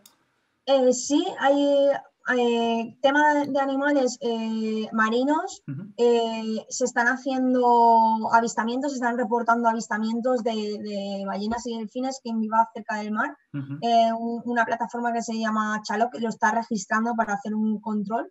Eso que, que conozcamos. Luego también, no es de mar, pero ya aprovecho y lo digo, eh, se están haciendo también avistamientos con SEO BirdLife y también eh, Sara, bueno, Sara es Brutal Blog. Uh -huh. eh, sí, estuvo aquí una semana, la entrevisté, Sara Pinto de, de Brutal. Uh -huh. Exacto, eh, tenía el otro proyecto de la, del otro, de la otra chica que está, que también pareció el de SEO BirdLife, pero de, también de lo mismo, de registro de aves. El de, Entonces, sí, el de Yo Pajareo en Casa, el de Courbe. Sí, eso es. Eso es, Ese es para, para, aves, eh, para controlar las aves, o sea, para estudiar las aves que hay desde casa desde la ventana. Es un proyecto súper chulo, sí. porque ahora se ha aumentado un montón las, también las, las aves, encima ahora estamos en plena migración, ¿no? están pasando un montón de aves migratorias que antes pasaban del tirón y ahora, pues como ven todo tan tranquilo, se lo están tomando con más calma. Yo no, no puedo informarme mucho de esto porque justamente es una cosa que no, que no controlo, pero, pero sí que es cierto que con el tema de, de, las aves está habiendo un montón de, de movimiento y, y, de censos y podéis mm. participar desde casa, tan fácil como... estoy dentro yo, entonces participo yo, o sea que sí. Pues súper, a mí me parece súper chulo. Cuéntalo, cuéntalo tú, porque yo no tengo ni. Yo ah, bueno, no, no, claro, quiero decir, o sea, te preguntaba por cosas de, por cosas marinas, ¿eh? porque iba esto de, cosas marinas. Ese proyecto es de, de observación de aves, eh, aunque es fauna en general, pero concretamente las aves a través de la ventana, que consiste en, sentarte 15 minutos al día, cada día, delante de la ventana y apuntar las aves que, aparecen, lo que están haciendo y así. Y mola mucho, la verdad es que está súper guay. Eso lo hizo Elena, nuestra amiga de Curve y, ya va ahí más de, bueno, hay, hay un mogollón de gente que está ya haciéndolo y pillando datos, entonces para, para, ver qué es lo que está pasando ahora, que no hay nadie, o no hay mucha gente, mejor dicho, en la calle, y luego compararlo con cuando volvamos todos a salir ahí mar a punta y a ver lo que pasa. Mm, muy curioso. Muy curioso, muy curioso. A mí me gusta, me, gusta mucho, ahora mismo en Marino solamente el, censo de que si alguien ve un avistamiento, que lo están haciendo unos chicos de aquí de, Valencia que se llaman Chaloc, eh, pero claro, en cuanto a tema marino, desde casa ahora mismo de, proyectos pues muy, muy limitado porque apenas, apenas, estamos ni, ni pudiendo ir a, recoger los centros de recuperación, nos habían hasta prohibido a recoger animales, O sea, mm, es algo bastante chungo, porque claro, no puedo ir a recoger animales, eso no poder ayudarlos y esto es algo chungo, pero cuando la gente vuelva a casa, eh, o sea, a salir, a casa ya están, eh, os contaremos proyectos en los que podéis participar cada vez que vais a la playa por vuestra cuenta, cómo podéis registrarnos avistamientos, eh, animales que encontréis, huevos que encontréis, cómo hacer una limpieza, mil cosas, pero ahora mismo eh, tomar nota, aprender mucho como charlas como esta, para que cuando volváis, volváis haciendo bien las cosas para mantener la calidad de lo que vamos a tener ahí, porque es que no os imagináis cómo está el mar ahora mismo, de lo limpio que lo vamos a encontrar, las especies que vamos a ver, es que vamos a tirarnos hasta en el puerto y, vamos a ver, ya, os digo, vamos a ver de todo, de todo. Ya, ya, es que tiene que ser una pasada, ¿eh? es verdad tiene que ser guapísimo. Sí, yo tengo, tengo amigos que viven así en zonas de costa y eso y me mandan avistamientos de tío, pero ¿qué haces? O sea, un grupo de, delfines listados, que es como, pero ¿qué estás diciendo? Que eso no se acerca a la costa ni para atrás. Y ahora como están ahí todo tranquilos, están ahí mm, chapoteando en la... O sea, vamos, eh, flipante, flipante. ¡Eh! Que se nos ha suscrito Eloy. Muchísimas gracias, Eloy. A tope, a tope ahí. Tenemos un nuevo suscriptor. Muchísimas gracias. ¡Qué guay! Se nos ha suscrito ahí Eloy. Gracias, sí, sí, sí, gracias, gracias. Un aplauso, por favor. Muchísimas gracias. Eh, a tope, tenemos un nuevo suscriptor. Eso, que encima es gratis. Como, como se ha suscrito con Twitch Prime, es una, es una suscripción gratis, que a vosotros os sale gratis, quiero decir, y a nosotros nos ayuda. Porque eh, ayuda a eso, a, mejorar internamente todas las todo este maremango que es llevar este canal, que es una auténtica locura y y una madre mía, socorro. Así que muchísimas gracias, Eloy. Mm, mil millones de gracias. Y para el resto ya sabéis. El baile, el baile, pero que es que el baile yo solo lo hago cuando está Nevesu también. Yo si estoy yo solo, el baile, o sea, soy totalmente asíncrono, no sé cómo se dice, pero no tengo nada de oído. Es que cuando se suscribe la gente, Estivaliz está flipando, está diciendo, este tío ya le está dando un aneurisma ahí y no está desbarrando totalmente. No, no, no, te cuento. Si, estaba, estaba, aprovechando para buscar cómo, cómo suscribirme, porque yo no he utilizado esto más que una vez y, estaba buscando, digo, no, no veo, yo también aprovecho y, le doy, pero no. A tope, a tope. Ahora, ahora te explico cómo funciona. Ahora te ya sería la releche que la propia invitada durante el directo se suscriba al propio canal. Ya eso sería. Para invitar a la gente, para invitar a la gente, seguir ejemplo. A tope, ¿eh? totalmente. Ahora te explico y ahora cuando salgamos te digo cómo se hace. Em, cada vez que se suscribe alguien en el, en, los, en el programa de los lunes con Arcadi y con Nevesu, hacen un baile eh, que, es, que es un cachondeo, es, un, es una risa. Y porque son, es que, es, que son, es que son, claro, es que son la farándula hecha persona, esas dos personas. Y, y, entonces se viene muy arriba. Lo que pasa es que nosotros, los gañanes que venimos luego después, los martes y los miércoles, eh, nos cuesta un poco más, pero vaya, que sí, hay un botón, hay un botón, tenéis un botón, no sé si aquí o aquí, aquí, bueno, da igual, hay un botón por ahí con una estrellita que pone suscribirse, que es morado. Le podéis dar al botón y os suscribís. Y si tenéis una cuenta en Amazon Prime, la, la asociáis y encima la suscripción es gratis. O sea que esto es un win-win. Y, usar estos puntos también aporta algo o es para nada. Sí, también aporta. Es que aquí hay un montón de, de divisas. Es que aquí hay un montón de cachivaches, ¿no? hay un montón de movidas. eh, mm, por eso mola tanto los directos en Twitch. Eh, esos también son, son, te permiten, por ejemplo, resaltar los mensajes como acabas de hacer para que los que estamos aquí lo veamos mejor. Am, y luego se pueden hacer un millón de, chorradas. Estamos trabajando para hacer una especie de, bueno, no sé, mostrarlo de alguna manera, recopilar todos los beneficios y todas las cosas que se pueden, que se pueden hacer con, con todas las monedas, porque hay monedas, hay escenitos, hay bolas de esas moradas, hay un millón de cosas, un millón de cosas. Estos días he eh, intentamos, eh, les estamos recopilando y estos, días los ponemos un poco bonitos para enseñarlo a todo el mundo. Pero sí, sí, hay muchos cacharros, hay muchos cacharros por aquí. En fin, que Estivali, ¿te acuerdas lo que te he dicho al principio justo antes de salir al directo? Pues despierta. Acaban de pasar dos horas, tía. Madre mía, tío. Se me ha pasado, se me ha pasado rápido, eh, se me ha pasado rápido. Sí que es verdad. Muy, muy rápido, muy Ha llegado el rápido. momento en el que yo hago así un, un clash y digo que han pasado dos horas, porque todo el mundo que a todo el mundo con quien hablo le digo, bueno, vente para aquí, que vamos a hacer una movida ahí, hablando de cambio climático, no sé qué, y me dice, bueno, venga, ¿cuánto es? Le digo, dos horas. Y me dice, quieto, ¿cómo que dos horas? ¿Dónde vas tú? Si no hay, no existe un tema en el mundo para hablar dos horas seguidas. Y le digo, ya verás, ya verás tú, ay, amigo, ay, amigo. Así que Sí, sí, da para, da para extender, la verdad que, que, que es súper súper ameno, relajado, la gente súper participativa, mucha cachondía que yo creo que, que ayuda. son unos que Hablar de cerveza que también ayuda también. La cerveza ayuda bastante, sí, sí, sí. Ayuda Pero sí, mucho. sí, se ha pasado volando, volando, volando. Qué guay, qué guay. Pues genial, pues nada, eh, que tenemos que ir plegando ya, que, no, que va a venir el de la escoba y nos va a dar con la escoba. Que... Nada, yo quería aprovechar para agradecer a la gente que ha estado aquí y nunca había, nunca, nunca había estado. La verdad que creo que aparte de suscribirme visitaré más el, el programa. o sea que, que gracias a la gente por, por, por haber estado tan, tan animada y hacerlo tan, tan fácil ¿no? y tan, tan, tan alegre. Y a ti sobre todo por haberme invitado porque me queda encantada. O sea, he pasado una noche diferente que no parece ni de confinamiento ni nada. O sea, vamos, he estado encantadísima. Así que muchísimas gracias por invitarme a, a Nada, estar aquí. solo faltaba. Las gracias te las devuelvo a ti totalmente porque ha sido un tema flipante. El tema ya de por sí mola mucho, pero encima, como lo has contado tú, ha sido la caña auténtica. La peña del chat, ya, ya te digo, va- más de uno va a suspender algún examen por tu culpa, que ahí lo dejo, tú car- carga con eso, si puedes, pero ha molado tanto la charla que la peña estaba aquí en vez de estudiando, mira a ver cómo te tomas eso. Y... La ballena foca, la ballena foca. La la ballenofoca, has descubierto la ballenofoca, ese animal legendario. Lo hemos re- redescubierto para Estivaliz. Ahora va, va a derivar su carrera profesional al estudio de las ballenofocas. Eso es, eso es. Así que nada, eso, que un millón de gracias. Ha sido súper interesante, el tema también fascinante. El cómo nos has contado lo de las tortugas nos ha flipado a todo el mundo. Y lo de los tiburones ya ha explotado. La, la- ahí han saltado las cabezas como palomitas. Pa, pa, pa, pa, pa, pa, pa. O sea, iban, vamos, a todos nos han saltado los- Sobre todo cuando dices números de más. Eso ya, y ya, ha sido- nada, eh, la notación científica me ha, me ha petado también ahí, ahí en ese momento ya. de- Totalmente.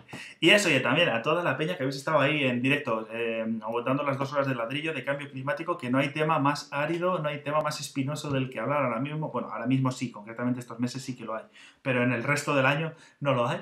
Y aún así seguís aquí al pie del cañón. Mil millones de gracias por estar ahí conectados, mil millones de gracias por los mensajes tan interesantes y tan constructivos que hacéis en el chat y por las preguntas que hacéis. Y nos vemos el martes que viene, ya lo sabéis, a las nueve y media aquí. El martes que viene también toca un tema flipante. Flipante, flipante, flipante, que por supuesto no os voy a decir para dejaros ahí con las ganas tú el run run toda la semana. Pero aviso que toca un tema muy, muy, muy interesante y bastante de actualidad. Y eso, que nos vemos en las redes sociales, que compartáis en redes sociales lo que os ha parecido por aquí. Si nos habéis hecho algún clip, cabritos, que os veo venir, compartirlo por ahí también, subirlo a las redes para que se echen unas jajas. Y nada, mañana, mañana toca Crespos. Mañana a ver a los Crespos, a ver que la lían con los ovnis y con las movidas, las magufadas que nos traen por aquí, ¿eh? No será para tanto. Ay, Eloy, ¿no sabrás tú algo de lo que va el de la semana que viene? Igual sabes tú algo de qué va ese... yo creo que sí, yo creo que va a ser un tema muy chulo, muy chulo. Y además, eh, que a la gente yo creo que le va a flipar. porque no sé si estamos mucho, muy, muy pendientes de ese, de ese asunto. En fin, que lo he dicho, que con esto y un bizcocho hasta la hasta mañana, no, sí, hasta mañana aquí, mañana volver, mañana volver a ver el programa de los que porque está muy, muy interesante. Y tal y cual, y el martes que viene nos vemos por aquí. Que nos vemos, que me dice que haga una raíz, pero que yo no, que yo no hago raíz, que yo soy un soso porque mañana hay que estudiar, que hay que irse a estudiar, ni que con la apagar la pantalla ya, iros a estudiar un poco del pantalla, si estáis todo el día aquí en pantallados, hombre. Y ya cuando aprenda yo a hacer raíz, ya entonces haré, pero que ahora no sé hacerla. Venga, a la puñetera cama todo el mundo, a estudiar y a, y a dormir un poco, para descansar para mañana. Un millón de gracias a todo el mundo y Estivaliz a ti, nos vemos en el mar. Muchas Chao, gracias por haber venido. Gracias. Chao.